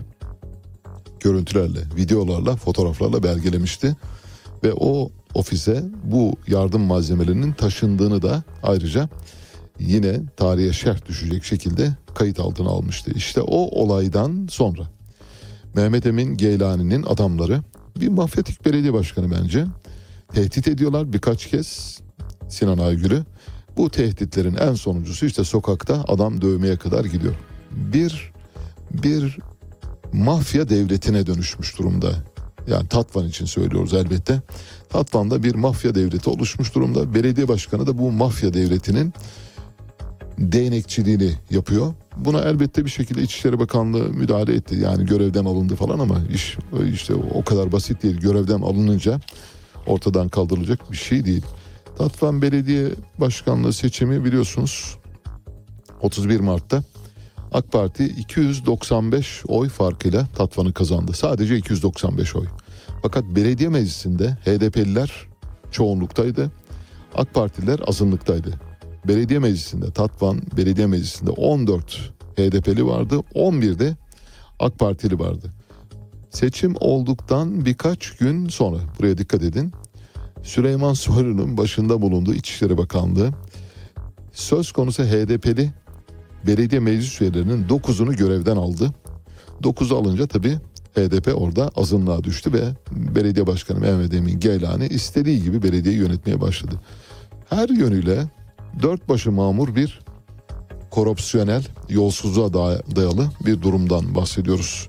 Her şey hazırlanmış. Şimdi bugün gelip işte bu bir tartışmadan kaynak. Hayır öyle bir şey yok. Sebepleri belli. Bir, Kızılay'ın yardımlarını kendi deponuza götürdüğünüzü tespit ettiği için gazeteciye kinlendiniz. İki, belediyede iş yapamaz durumdaydınız. Belediye meclisinde HDP çoğunluktaydı. Süleyman Soylu marifetiyle belediye meclisindeki HDP'li üyelerin 9'u gözaltına alındı. Üyelikleri düşürüldü. Ve belediyede siz çoğunluk durumuna geldiniz. İşlerinizi rahat yürütebilirsiniz diye. Bütün bunlarla yetinmediniz. Şimdi sokakta gazeteci dövdürüyorsunuz. Olayı da tartışma diye niteliyorsunuz. Ortada bir tartışma yok. Ortada planlanmış bir saldırı var. Mütecaviz bir girişim var. Bu girişimden dolayı istifa etmeniz gerekir. Normal şartlarda ülkede eğer bir gram hukuk işliyorsa, hukukun eğer kırıntıları varsa belediye başkanının bugün görevden alınma hatta dün görevden alınması lazımdı ama belediye başkanı oturuyor maalesef. Evet böylece bu bahsi tamamlamış olduk. Sinan Aygül'e ulaşamadık bu arada.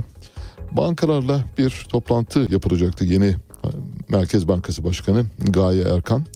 Bugün Bankalar Birliği üyeleriyle bir araya gelerek bir toplantı yapacaktı. Fakat toplantıyı 23 Haziran Cuma gününe erteledi. Neden erteledi? 22 Haziran'da biliyorsunuz Merkez Bankası'nın para politikası kurulu toplantısı var.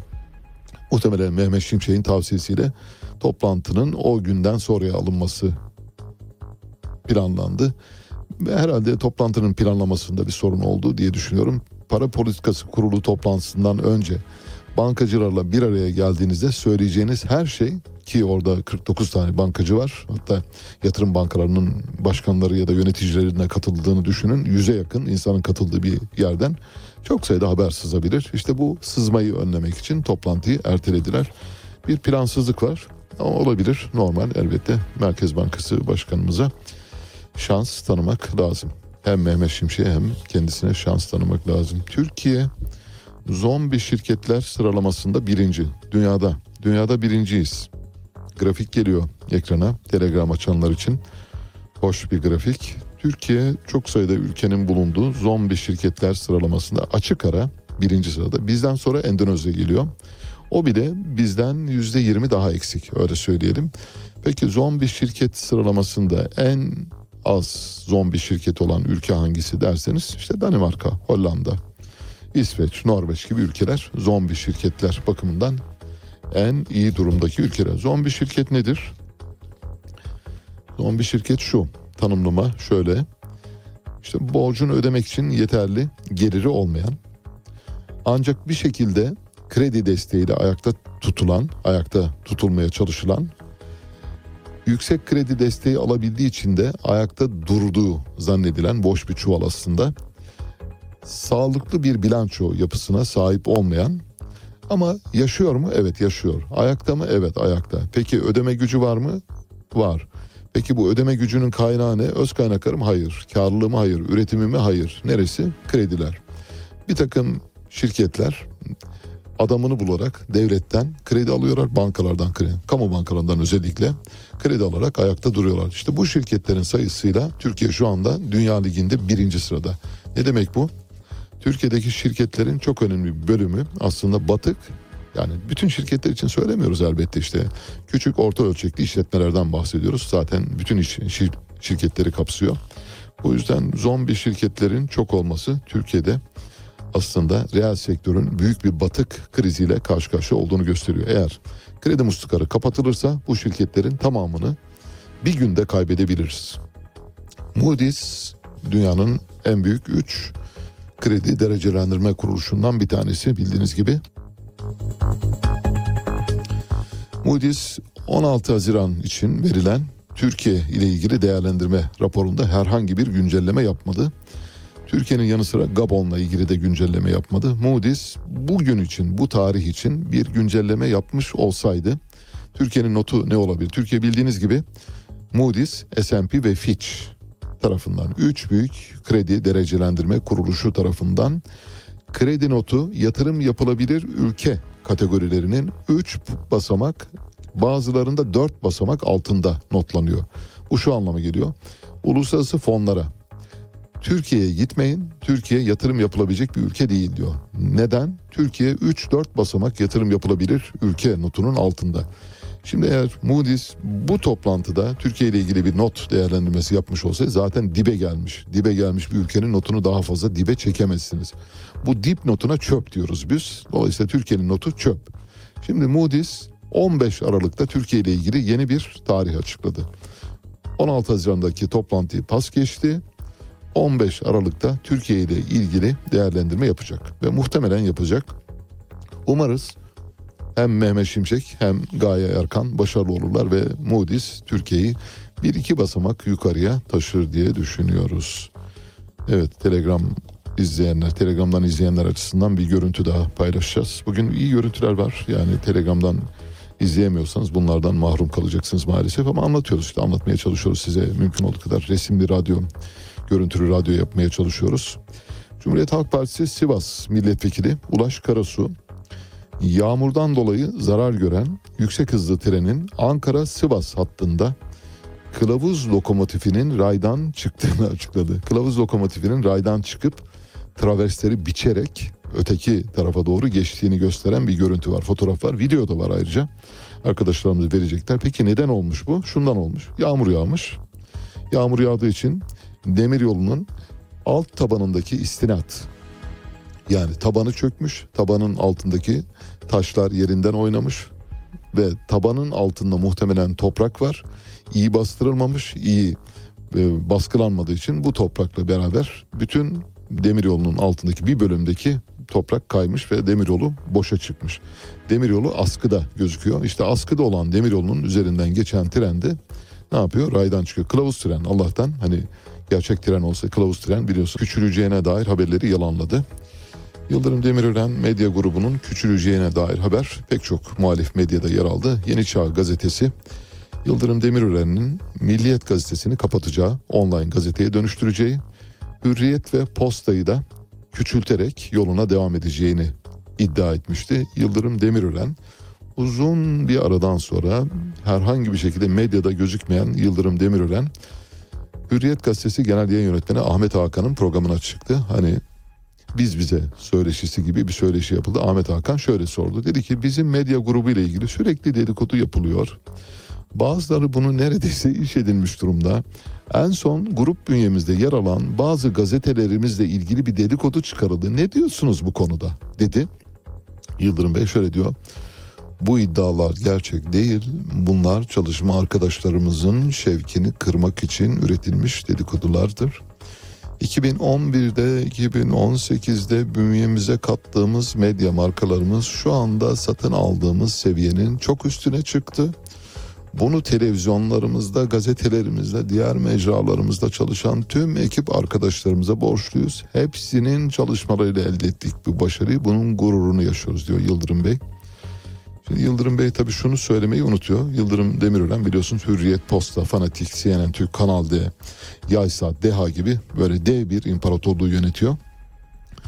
Aldığı krediler Ziraat Bankası'ndan Ziraat Bankası'na olan borcunun yani 916 milyon dolara satın almıştı. Şu ana kadar iki ya da üç taksitini ödedi.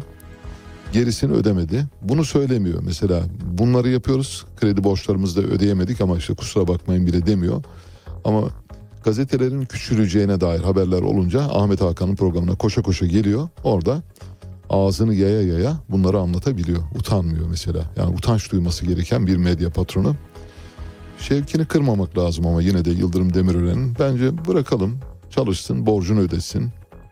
Tabii hoş şu ana kadar borçların sadece yüzde onunu belki daha bir miktar daha fazlasını ödemiş olabilir. Ama bundan sonrası için azimli. O yüzden Yıldırım Demirören'in şevkini lütfen kırmayınız. Libya'nın bütün fuar işlerini bir Türk şirketi aldı. Şimdi Libya'nın Türk bir Türk şirketinin Libya'nın fuar işlerinin tamamını nasıl aldığını bilmiyoruz ama Libya ile bizim çok yakınsak iyi ilişkilerimiz var. Yeni yönetimde biliyorsunuz.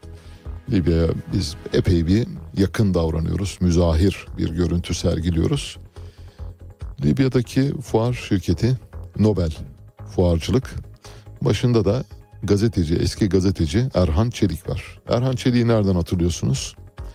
Ahmet Hakan'ın halefi, Ahmet Hakan'ın İskele Sancak programının Ahmet Hakan ayrıldıktan sonra bir süre sunuculuğunu üstlenen gazeteci Erhan Çelik'tir. Kanal 7'nin eski anchormenlerinden aynı zamanda. Ve Erhan Çelik bir zamanlarda Habertürk televizyonlarında anchormenlik yaptı. Çok böyle el üstünde tutulan bir gazeteciydi. Şimdi şöyle diyor. Türkiye'nin yaklaşık 50 yıllık fuarcılık birikimini ve portföyünü datasını Libya'ya taşıyacağız. Libya'daki fuar sayıları ve fuarların nitelikleri arttıkça Libya'nın ekonomisi daha da güçlenecek. Son bir yıl içinde yaşanan gelişmeler ışığında biz barışın tesis edildiği Trablus'ta, Bingazi'de, Mısrata'da Libya'nın bütününde rahatlıkla ticaret yapılabileceğine şahit olduk. Sadece Türkiye'den değil dünyanın tüm ülkelerinde ticaret yapmak isteyenler, fuarlara katılmak isteyenler Libya'ya gönüllü gönül rahatlığıyla gelebilecekler diyor. Şimdi Trablus'u anladık ee, ama Bingazi'de aynı durum var mı yok mu çok emin değilim. Dolayısıyla Bingazi'de ayrı bir yönetim var. General Mareşal Halife El Hafter orada görev yapıyor. Hafter sizi oraya sokmaz ama olsun. Yani Ahmet Çelik öyle ve Erhan Çelik öyle diyorsa öyle kabul etmek lazım. Suudi Arabistan'la Tahran arasında 17 yıl sonra bir diplomatik temas başladı. Bu son derece önemli. Meşet konsolosluğunu açtı Suudi Arabistan. Kurban Bayramı'ndan sonra konsolosluğun faaliyeti geçeceği bildiriliyor. Suudi Arabistan'la İran arasındaki diplomatik ilişkiler 2016'da kesilmişti. 2016'da neden kesildi? Çünkü Amerika Birleşik Devletleri İslam dünyasını karpuz gibi ortadan ikiye bölmüştü. Şiiler, Sünniler diye ayırmıştı. Sünni cenahın liderliğini Suudi Arabistan yapıyordu. Şii cenahın liderliğini de İran yapıyordu. İran ekseninde kimler var? Şii ekseninde İran var, Irak var, Lübnan var, Pakistan var. Şii diye düşünebileceğimiz Şii nüfusu çok fazla Pakistan'da. Bir de Bahreyn var. Bunlar Şii eksenini oluşturuyor. Sünni ekseni de işte Suudi Arabistan'dan başlayarak Katar, Kuveyt, e, Birleşik Arap Emirlikleri yukarıya doğru gidiyor. Öbür tarafta Endonezya, Malezya, Mısır'a kadar ulaşıyordu. Ancak şimdi Çin devreye girdi ve dedi ki bir dakika siz kardeşsiniz. Tamam olabilir. Biriniz Şiisiniz, ötekiniz Sünni ama bu ayrımı siz yapmadınız. Amerika Birleşik Devletleri böyle istediği için. Şimdi gelin güzel güzel kardeş kardeş bir araya anlaşın ben de sizin korumanızı yapacağım diyor. Çin'in şu anda dünya siyasetinde yürüttüğü olağanüstü bir diplomasi var. Bu olağanüstü diplomasi bütün zamanlar yani 1400 yıl boyunca bir araya gelemeyen Şii Sünni çekişmesini sonlandırmak ve ortak menfaatler doğrultusunda birleştirmek için bir organizma haline dönüşüyor. 17 yıl sonra İran'la bir araya gelen Suudi Arabistan'dan bahsediyoruz. İran Dışişleri Bakanı Abdullah Yan, Suudi Arabistanlı mevkidaşı Bin Ferhan'la 6 Nisan'da Pekin'de bir araya gelmişlerdi. Bakın Pekin'in öncülüğünde oluyor. İki ülke büyükelçiliklerinin yeniden açılması, iki ülke arasındaki uçuşların yeniden başlatılması ve vizelerin kolaylaştırılması konusunda anlaşma sağlanmıştı. İran 23 Mayıs'ta Dışişleri Bakan Yardımcısı Ali Rıza Enayeti'nin Riyad Büyükelçisi olarak atandığını açıklamıştı. 6 Haziran'da İran'ın Riyad Büyükelçiliği, 8 Haziran'da da Cidde Konsolosluğu yeniden açılmıştı. Haziran ayında İran'la Suudi Arabistan arasındaki ilişkilerin Çin'in maestroluğunda, yönetiminde, orkestra şefliğinde yeniden başladığını görüyoruz. 1400 yıldır süre giden çelişkiyi kim bitiriyor? Çin bitiriyor. Amerika Birleşik Devletleri açısından bu tabii son derece olumsuz bir durum. Amerika şu anda bütün gelişmeleri kaygıyla izliyor. Zira Suudi Arabistan bildiğiniz gibi aynı zamanda Şangay İşbirliği Örgütü'nün bir parçası olmaya doğru gidiyor. Mısır BRICS'in bir üyesi olmak üzere başvuruda bulundu. Hem bir yandan BRICS gelişiyor, büyüyor hem bir yandan Şangay İşbirliği Örgütü gelişiyor. Şangay İşbirliği Örgütü NATO'ya alternatif bir örgüttür. Şangay İşbirliği Örgütü'nün çatısı altındaki ülkelerin nüfus ve ekonomik e, kabiliyetleri NATO'nun çok çok üzerinde. Bunu biliyoruz. BRICS'in ekonomik faaliyetleri de Avrupa Birliği'nin kat kat üzerinde. Şimdi Çin ve Rusya doğuda bir eksen oluşturarak Hindistan'ı tam olarak oyuna katamadılar. Onu belirtelim. Hindistan tam olarak oyuna girdiği takdirde Amerika Birleşik Devletleri'nin çöküş dönemi başlayabilir. Tabi Amerika böyle bir günde çökmez. Koskoca Osmanlı İmparatorluğu 300 yılda çöktü. 621 yıllık Osmanlı İmparatorluğu'nun çöküş yılı son 300 yıla yaygın biçimdedir. Amerika'da şimdi yavaş yavaş doların egemenliği azalmaya başladığı için Amerika'da çökmeye doğru gidiyor. Ne zaman biter? Vallahi böyle giderse eğer Çin sağlam durursa Rusya ile ittifak böyle devam ederse araya Hindistan'ı katarlarsa işte büyük Müslüman ülkeleri Endonezya, Malezya, Nijerya gibi ülkelerde oyun bozanlık yapmazsa Mısır gibi ülkeler zaten işin içinde Suudi Arabistan hem zengin hem varlıklı hem etkili bir üye. E, Türkiye'de bu arada Şangay İşbirliği Örgütü'nün biliyorsunuz ittifak partnerleri arasında yer alan bir ülke. Bu durumda bütün İslam camiasını, bütün Uzak Doğu Asya camiasını tamamen çatısı altına alan bir iktisadi örgüt olarak BRICS var. Bir e, askeri örgütlenme yapısı olarak da askeri ve diplomatik yapılanma örgütlenmesi olarak da Şangay İşbirliği Örgütü var. Bu Amerika Birleşik Devletleri'nin uykularını kaçırıyor. O yüzden de Amerikan Dışişleri Bakanı Antony Blinken uzun bir aradan sonra Joe Biden seçildikten bu yana ilk kez Çin'i ziyaret eden bir Dışişleri Bakanı olarak şu anda orada çözüm arayışları içinde. Acaba ne yapsak diye paçaları tutuştu söylüyorum size. Öyle bir noktaya doğru geldiler. Şu anda Amerika Birleşik Devletleri'nde Süleyman Demirel'in dediği gibi sorun bakalım geceler kaç saat acaba uykusuz geceleri sayabiliyorlar mı? Ben Ali Çağatay, Radyo Sputnik'te seyir halindesiniz. Müthiş bir Kuzuların Sessizliği filmi oynanıyor şu anda maalesef kimsenin sesini çıkarmadığını görüyoruz. Bu devletin kadim devlet, bani devlet, baba devlet olması ilkesiyle bağdaşmıyor. Habercilik, birilerinin verilmesini istemediği olayları açıklamak ve kamuoyuyla paylaşmaktır. Bu kapsamın dışında kalan olayları vermek habercilik değil, halkla ilişkiler faaliyetidir. George Orwell Ali Çağatay'la Seyir Hali hafta içi her sabah 7 ile 9 arasında Radyo Sputnik'te. Şimdi bakınız dünyadaki yeni yapılanmanın nereye doğru gittiğini biz kendi içimizde de görüyoruz. Yeni Şafak gazetesi bundan birkaç yıl önce 10 yıl kadar önce Birleşik Arap Emirlikleri'ne şerefsizler diye çok özür diliyorum bu kelimeyi kullandığım için ama maalesef yani başka bir kelime kullansam muadili olmayacağı için tam yerini bulmayacağı için mecburen kullandım. Dediği Birleşik Arap Emirlikleri'ne ilişkin şu anda böyle övgü dolu manşetler atıyor Yeni Şafak. Yeni Şafak biliyorsunuz bugünkü siyasi iktidarın yörüngesinde yayın yapan bir yayın kuruluşu. Yeni Şafak gazetesi bu U dönüşünü yaptıysa demek ki Türkiye topyekun U dönüşüne geçmiş durumda. Türkiye bugün doğuda Çin ve Rusya'nın temsil ettiği Şangay İşbirliği Örgütü ve yine Çin ve Rusya'nın temsil ettiği BRICS'in bir parçası olarak Türkiye'nin artık yerini alması gerektiğini ifade ediyor.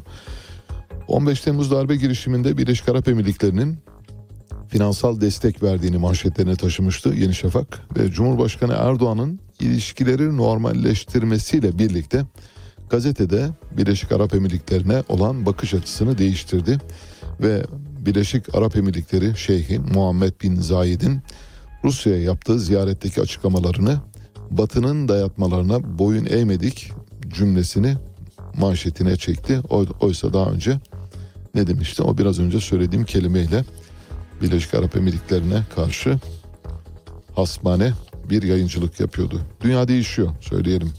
Dünyanın değiştiğinin işaretlerini görüyoruz. Türkiye de burada öncü bir rol oynayabilir. Henüz daha Türkiye öncü bir rol oynamak üzere işe girmedi henüz soyunmadı. Yani ringe girmedi. Ringe girdiği zaman ortalığın çok daha şenleneceğini söyleyebilirim. Türkiye ringde yerini aldığı andan itibaren Şangay İşbirliği Örgütü'nün ve BRICS'in ne kadar güçlü bir örgütlenmeye doğru gittiğini göreceksiniz. Çünkü Türkiye Batı için vazgeçilmez, Doğu için de olmazsa olmaz bir ülke görünümünde. Güçlü bir ülke, güçlü bir silahlı kuvvetleri var ve bu gücü sayesinde hak ettiği yeri alabileceği bir döneme doğru gidiyor. Bu da Amerika'nın tabii hoşuna gitmiyor. Amerika'nın uykularını kaçırıyor. Ermenistan Başbakanı bu da aynı kapsamda bir haber. Şimdi vereceğim haber. Yani bu doğudaki yapılanmanın nereye doğru gittiğini anlıyoruz. Ermenistan Başbakanı Nikol Paşinyan Ermenistan Cumhuriyeti'nin arması ve marşına atıfta bulundu. Ermenistan'da uzun süredir doğal koşullarda bir aslana rastlanmadı ama nedense armamızda aslan var diyor. Şimdi Harun getirebilirse Ermenistan'ın bayrağında bir aslan var. Diyor ki bizim dağlarımızda aslan yok. Uzun zamandır aslan görmüyoruz ama armamızda değişimin işaretleri. Yani şöyle eski zamanı şimdi örneğin Türkiye Cumhuriyeti'nin bayrağında mesela Osmanlı'yı simgeleyen, Osmanlı tuğrasını simgeleyen şeyler olsa bugün siz mesela bunu nasıl karşılarsınız? Dersin ki ne alakası var? Yani Osmanlıydı bu Türkiye Cumhuriyeti. Aynı şey orada yaşanıyor şu anda. Bir paradigma değişimi var Ermenistan'da. Neden oluyor? Çünkü Rusya Ermenistan'la Azerbaycan'ı artık kavga etmeyin bir arada yaşamayı öğrenin. Bundan sonra kimsenin kimseye hakkı geçmeyecek. Bir savaş oldu bitti. Bu savaşın artık sonuçlarını tayin ettik. Bizim garantörlüğümüzde bizim derken Türkiye'nin ve Rusya'nın garantörlüğünde artık kavga etmeden bir arada yaşamanız gerektiğini düşünüyoruz dedi. Nikol Paşinyan Ağrı Dağı ile ilgili güzel bir şey söylüyor. Mesela diyor Ararat Dağı yani Ağrı Dağı konusunda Türkiye'den gelen mesajları bir kenara bırakalım. Öncelikle kendimizden bahsedelim. Ermenistan Cumhuriyeti'nin egemenlik alanı olan bu fonu biraz düşürelim. Egemenlik alanı olmayan topraklardan bahsediyorum. Ararat Ermenistan Cumhuriyeti'nde değil. Türkiye örneğinde net bir sınırımız var. Bu kötü mü iyi mi? Tabii ki iyi. Öğrencilerle buluştuğumuzda şunu soruyorum. Buraya lütfen dikkat edin. Çocuklar Ermenistan Cumhuriyeti'nin en yüksek dağı hangisidir? Çocukların en az yarısı veya yarısından fazlası Ararat diyor. Bir de şuna bakalım. Türkiye'ye bakıyorlar. Türkiye'nin uluslararası kabul görmüş topraklarında olduğunu söylüyorlar. Ermenistan'daki çocuklar bu bilgiyi nereden alıyor? Okullardaki sınıflardan alıyorlar. Başka bir deyişle hükümetin uyguladığı eğitim politikasının bir sonucu olarak diyorlar ki bu çocuklar şimdi Ermenistan'ın en yüksek dağı Ararat diyorlarsa bu Ermenistan Cumhuriyeti'nin Türkiye'ye karşı toprak iddiası olduğu anlamına geliyor mu? Şimdi soru şu Ermenistan'da öğretilen ülkenin en yüksek dağı olan Ararat nerede? Ermenistan artık gerçeklerle yüzleşerek ilerlemelidir. Diğer politikalar Ermenistan'ı hepimizin bildiği tarih döngüsüne sokar diyor. Müthiş. Size bir şey söyleyeyim mi? Son yıllarda Ermenistan'ın dış politikası açısından yazılmış en iyi manifestolardan birini okuyor Paşinyan. Öyle diyor coğrafya kitaplarında bizde de vardır ya işte e, Halep bize aittir, Kerkük bizimdir, Musul bizim. öyle bir şey yok. Bitti. O yani kapandı. Sınırlar çizildi, bitti. Ama hala Kerkük, Musul rüyaları görüyoruz. Ama hala Halep rüyaları görüyoruz. Hala Cezayir rüyaları görüyoruz. Bunların geride kaldığını lütfen unutunuz. Onlar 400-500 yıl geride kalan hikaye. Bakın Ermenistan diyor ki Ağrı Dağı yani Ararat Dağı Türkiye'nin sınırları içindeyse peki bizim tarih kitaplarımızda neden Ararat Dağı'nın Ermenistan'a ait olduğu anlatılıyor? Bu yanlış diyor. Bunları düzeltelim. Düzeltirsek ancak yolumuzu açabiliriz diyor. Güzel bir gelişme olduğunu söyleyebilirim. Edremit'te görüntüleri de var. Bugün size çok video sunacağız dedim. Yani hani pişman olmayacaksınız eğer Telegram açtıysanız göreceksiniz. Edremit'te bir otomobille bir bisiklet çarpışıyor. Otomobille bisiklet çarpıştıktan sonra daha doğrusu bisiklet otomobille çarpışmıyor. Otomobil bisiklete çarpıyor. Olayın doğrusu bu. Edremit Zeytinli Jandarma Karakolu'nda görevli personel trafik kazasının ardından olay yerine geliyor. Şimdi olay yeri inceleme ekibi. Kaza 15 Mayıs pazartesi oluyor. Zeytinli Mahallesi Yasa Alışveriş Merkezi'nin hemen arkasında bir bağ yolu caddesi var. O caddede SG adındaki bir sürücü Çanakkale plakalı bir otomobille 16 yaşındaki bir çocuğa çarpıyor. Ve çocuk ağır yaralanıyor. Ayrıca iki çocuk daha yaralanıyor onunla birlikte. Kazanın ardından olay yerine jandarma geliyor. Jandarma çarpışmanın etkisiyle metrelerce uzağa fırlayan bisikleti getiriyor. Arabanın yanına yanaştırıyor. Arabanın 6 metre yakınına koyuyor. Metrelerce uzaklaşmış bu durumda. Jandarmanın bisikleti getirip otomobilin yanına yaklaştırıp fotoğraf çektiği görülüyor. Bunun üzerine vatandaşlar ayaklanıyor. Diyorlar ki kardeşim bisiklet orada. Eğer olay yeri inceleme tutanağı tutacaksanız otomobili çekersiniz. Otomobilden bir perspektif çekimi yaparsınız. Bisikleti de görecek şekilde bir fotoğraf çekersiniz ya da video çekersiniz. Niye bisikleti oradan buraya taşıdınız diyorlar. Meğer anlaşılıyor. Ne olabilir Egeciğim? Meğer otomobili kullanan kişi hanımefendi bir jandarma personelinin eşiymiş. Nasıl? Bir çocuk ağır yaralı ve siz gelip jandarma komutanının eşinin çarptığı arabayı suçsuz 8'de 0 kusursuz gibi göstermek için olay yeri inceleme tutanağı düzenliyorsunuz. Dehşet verici. Dehşet. Olay Edremit Zeytinli Jandarma Karakolu'nda geçiyor. İçişleri Bakanı'na buradan hatırlatalım. Yeni İçişleri Bakanı'ndan çok umutluyuz. Onu söyleyelim. Gerçekten çok umutluyuz. Umarız üzerine gider. Böylesi olaylara mahal vermezler diye düşünüyoruz. Çok güzel bir haber daha paylaşacağım. Vallahi buna bayılacaksınız. Bak şu ana kadar verdiğim haberlere bayılmadıysanız Ege'cim şimdi hazır hazırsanız lütfen herkes şöyle biraz böyle enfiye kutusundan enfiye çeksin. Bayılacaksınız. Niğde'nin AK Partili bir belediye başkanı var. Emrah Özdemir. Emrah Özdemir şöyle bir paylaşımda bulundu. Cuma namazı sonrası TOG'umuzun egzoz muayenesi için sanayi esnafımız Demir Bey'in misafiriydik. Şimdi TOG elektrikli bir otomobil. Elektrikli otomobilde egzoz var mıdır? Yok. Peki elektrikli otomobil egzoz muayenesine niye gider? E işte cehaletten. Koskoca belediye başkanı, koskoca servis istasyonu elektrikli otomobilin egzoz muayenesi yapılmayacağını bilmez mi? Bilir.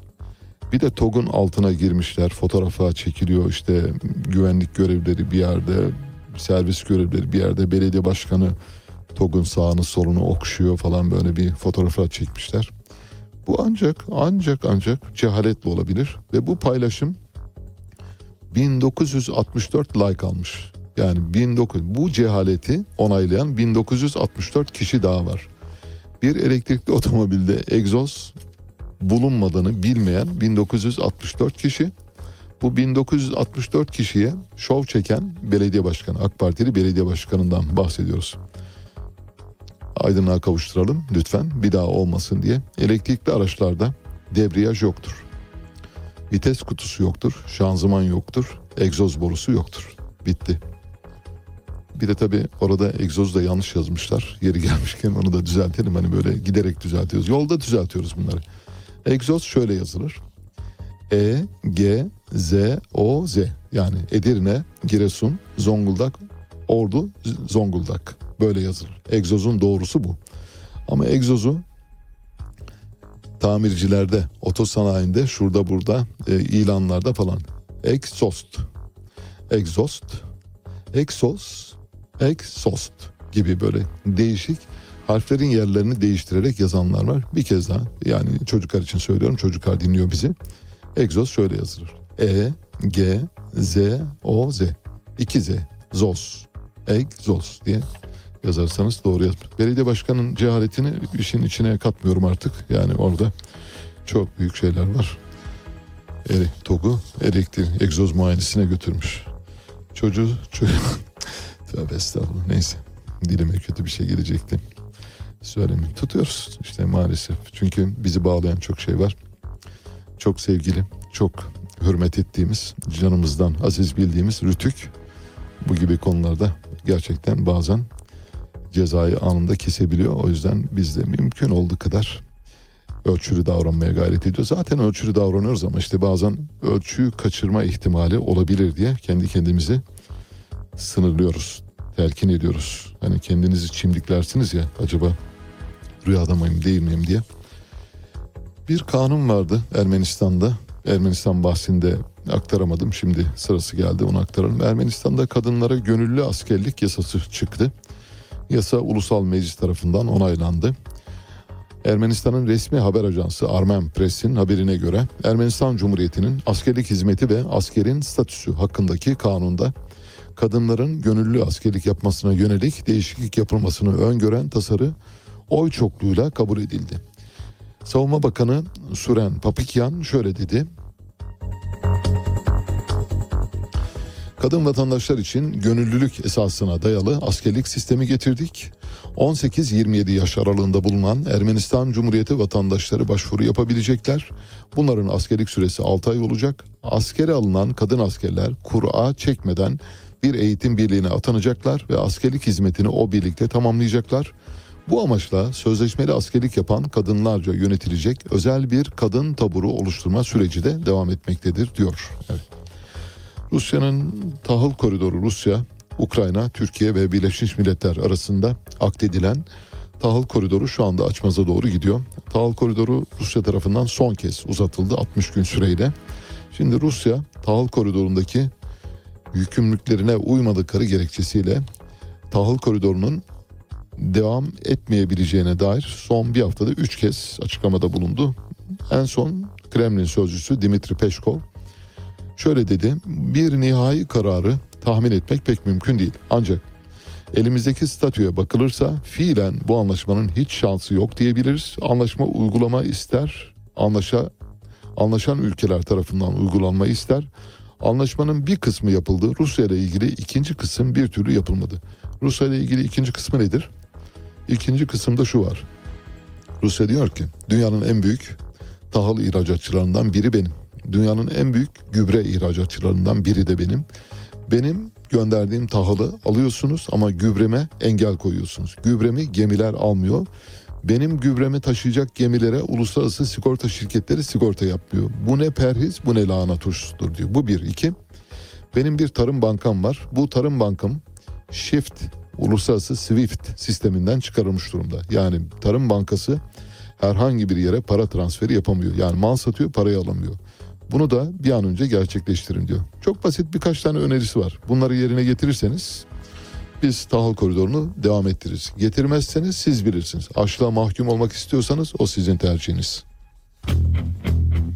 E, zaten süreç Osman Kavala'nın tutukluluğunun sürdürülmesi üzerine kurulmuş. Aynen. Bu tutukluluk devam etmesi için hukuka karşı verilen bir mücadele haline girmiş durumda. Merkez Bankası'nın son aylarda izlemiş olduğu para politikası doğrudan enflasyonda bu sıçramaya yol açtı. E, yani ve de, devamı da gelecek. Ülkeyi aslında öyle yönetiyorlar ki adeta koca bir survivor oyunu gibi. Bugün için Önemli olan husus Türkiye'de bu sistemin değişmesidir. Bu sistem yani Cumhurbaşkanlığı hükümet sistemi evet. maalesef uygulama aşamasında kağıt üzerinde durduğu gibi durmadı. Ali Çağatay'la Seyir Hali hafta içi her sabah 7 ile 9 arasında Radyo Sputnik'te.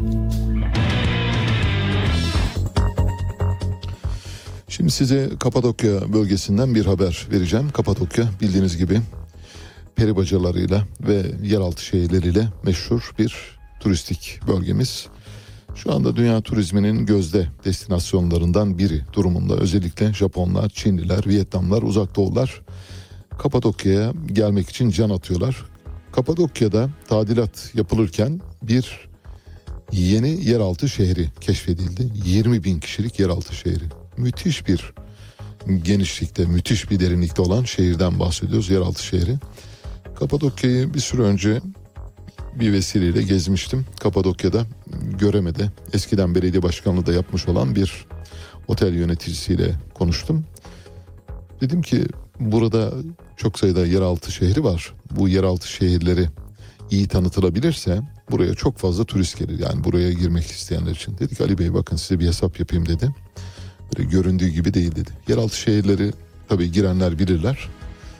Benim de gafletime verin maalesef e, işte bilmediğiniz konularda ahkam kesince böyle oluyorsunuz açığa tabii beni açığa düşürmek için değil de bana izahatta bulundu. Mesela dedi bir yeraltı şehrine size göre dedi günde kaç ziyaretçi girebilir dedi. Ben dedim çok yani, yani çok olabilir. Sayı bilemem ama çok dedim. Maksimum 500 kişi girebilir dedi. Maksimum bir yeraltı basit yani küçük bir yeraltı şehrinden var. Çünkü yeraltı şehirleri biliyorsunuz onlar ters mimariyle yapılmıştır. Ters mimari nedir? Yani evin dış kapısı içeridedir. Evin mutfağı en dıştadır. Tuvaletten başlıyorsunuz. Tuvalet, banyo, mutfak, salon, salomanje falan diye gidiyorsunuz. Yatak odası oradan e, koridora kadar ulaşıyorsunuz. Ters mimari. Şimdi bu ters mimariye göre bir defa yeraltı şehirlerinde tüneller işte bir insanın geçebileceği, eğilerek geçebileceği yükseklikte ve ende olur. İki kişi yan yana gidemez. İki kişinin yan yana gidemediği, eğilerek hareket ettiği bir yerden bahsediyorsunuz. Yeraltı şehrine bir yerden girilir, öteki taraftan çıkılır. Yani giriş deliğiyle çıkış deliği arasında bir şey vardı, bir duvar vardır. O duvarın öbür tarafından çıkarsınız. Yeraltı şehrine girenlerin, ilk giren kafilenin çıkışına kadar öteki kafile içeri alınmaz. Bu durumda ne olur? İçeride diyelim 50 kişilik bir grup var. Zaten 50 kişilik grup da alınmıyor onu da söyleyeyim. Yani işte maksimum 20-30 kişilik gruplar alınıyor. Çünkü içeride insanlar kaybolabilir. Başlarına bir şey gelebilir. Zifiri karanlık. Tabii aydınlatma uyguluyorlar. Herkes cep telefonuyla yapıyor. Bu durumda işte bir grubun ziyareti işte 20-30 kişilik bir grubun ziyareti yaklaşık yarım saat sürüyor. İşte hesabı kitabı meydanda.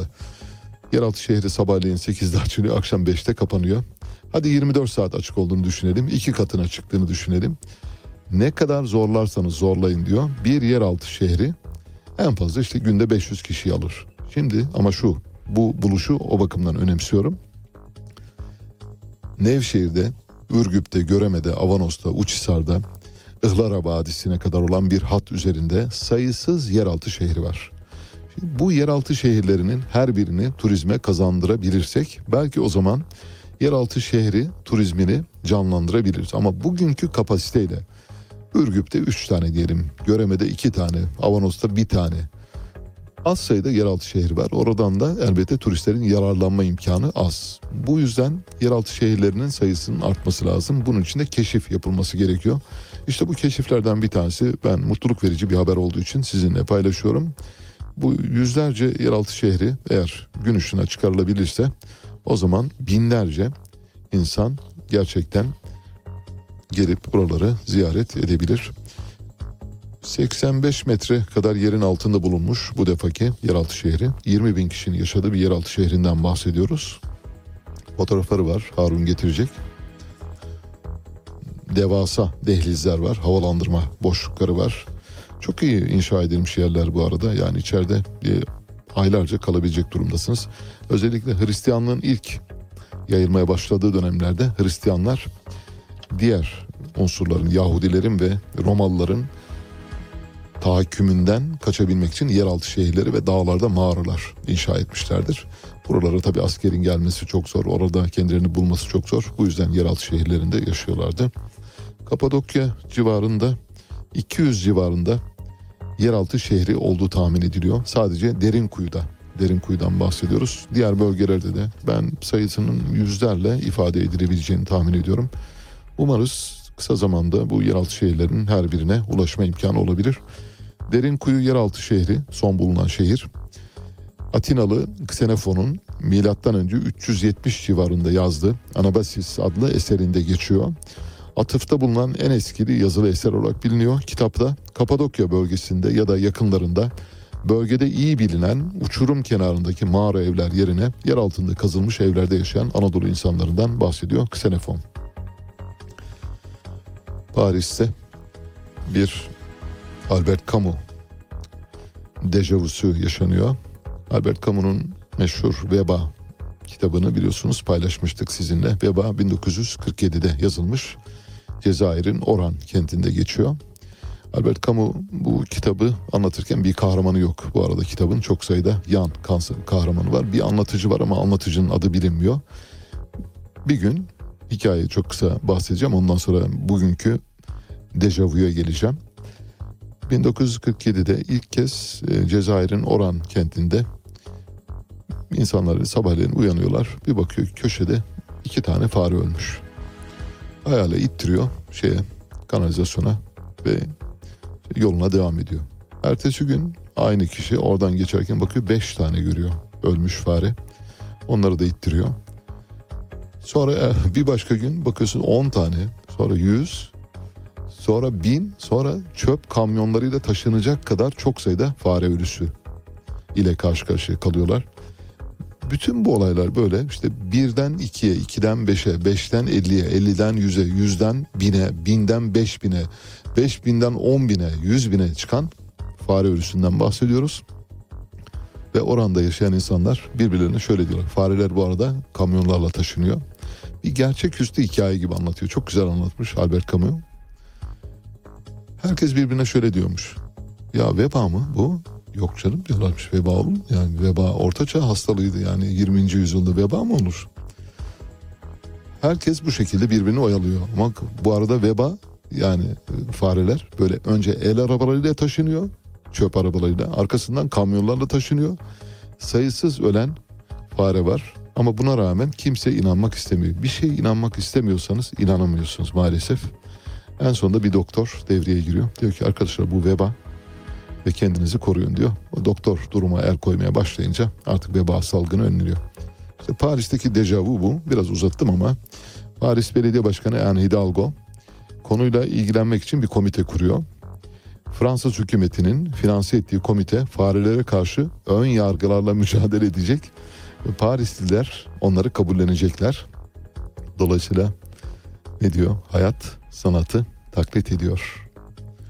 1947-2023 Paris'te fare salgını var. Farelerle arkadaşça dostça yaşamayı deniyorlar. Başka bir şey olabilir. Yani buradaki veba olmayabilir, başka bir şey olabilir ama ama sonuçta belli ki bir salgın var. İnsanlar bir şeye inandıkları zaman körü körüne inanabiliyorlar maalesef. İnsanları bir şeye inandırmak, insanları kandırmaktan çok zor. İnsanları kandırmak o kadar kolay ki inandırmak çok zor. İnandırdığınız andan itibaren her şey değişiyor, dünyada değişiyor. Bitirdik, bugünün de sonuna geldik. Bu programı kumanda masasında Ege Akgün, editör masasında Harun Erozbağ'la birlikte gerçekleştiriyoruz. Programın hemen ardından her pazartesi, her çarşamba, her cuma olduğu gibi bu pazartesi de Mahir Boztepe ve Güçlü Özgan'la açık alan programı var tekrarını programı bizim programın hemen arkasından izleyebilirsiniz.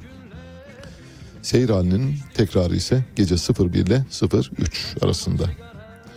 Bugün size Türk rakının kralı, bütün rakçıların tellerinin arasından sızarak hayatımıza girdiği Erkut Taşkın'dan parçalar seçtik. 2020'de kendisini kaybetmiştik. Erkut Taşkın daha dün gibi diyor. Yıllar geçti ama bir şey var ki hala bağlar beni hayata.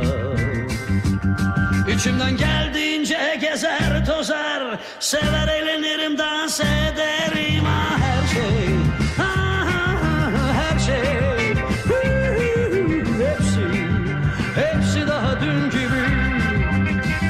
Yüzü asık, kaşı çatık, euro içen, bonjur diyen Bakıp görmeyen, gülüp eğlenmeyen. Biri olamam ben yok yok yok Yüzüm gülmeli, kalbim çarpmalı. Yanımda sevgili dostlar olmalı Her gün yeniden doğmalıyım ben. Aa bizden geçti demek yok. Arkadaşlar haydi ne varsa sizde var yine. Aa, Arkadaşlar haydi ne varsa bizde yok. Ne varsa şimdi var işte. Kalbinden gelen sesi dinle. İşten eve evden işe. Gidip gelirken hiç değilse. Arada dur da bak çevrene gördün mü? Her şey daha dün gibi. Hiç işten geçmedi her şey daha dün gibi. Gözlerinde bir pırıltı İçimde sonsuz bir sevinç. Baktım güzel geldi dünya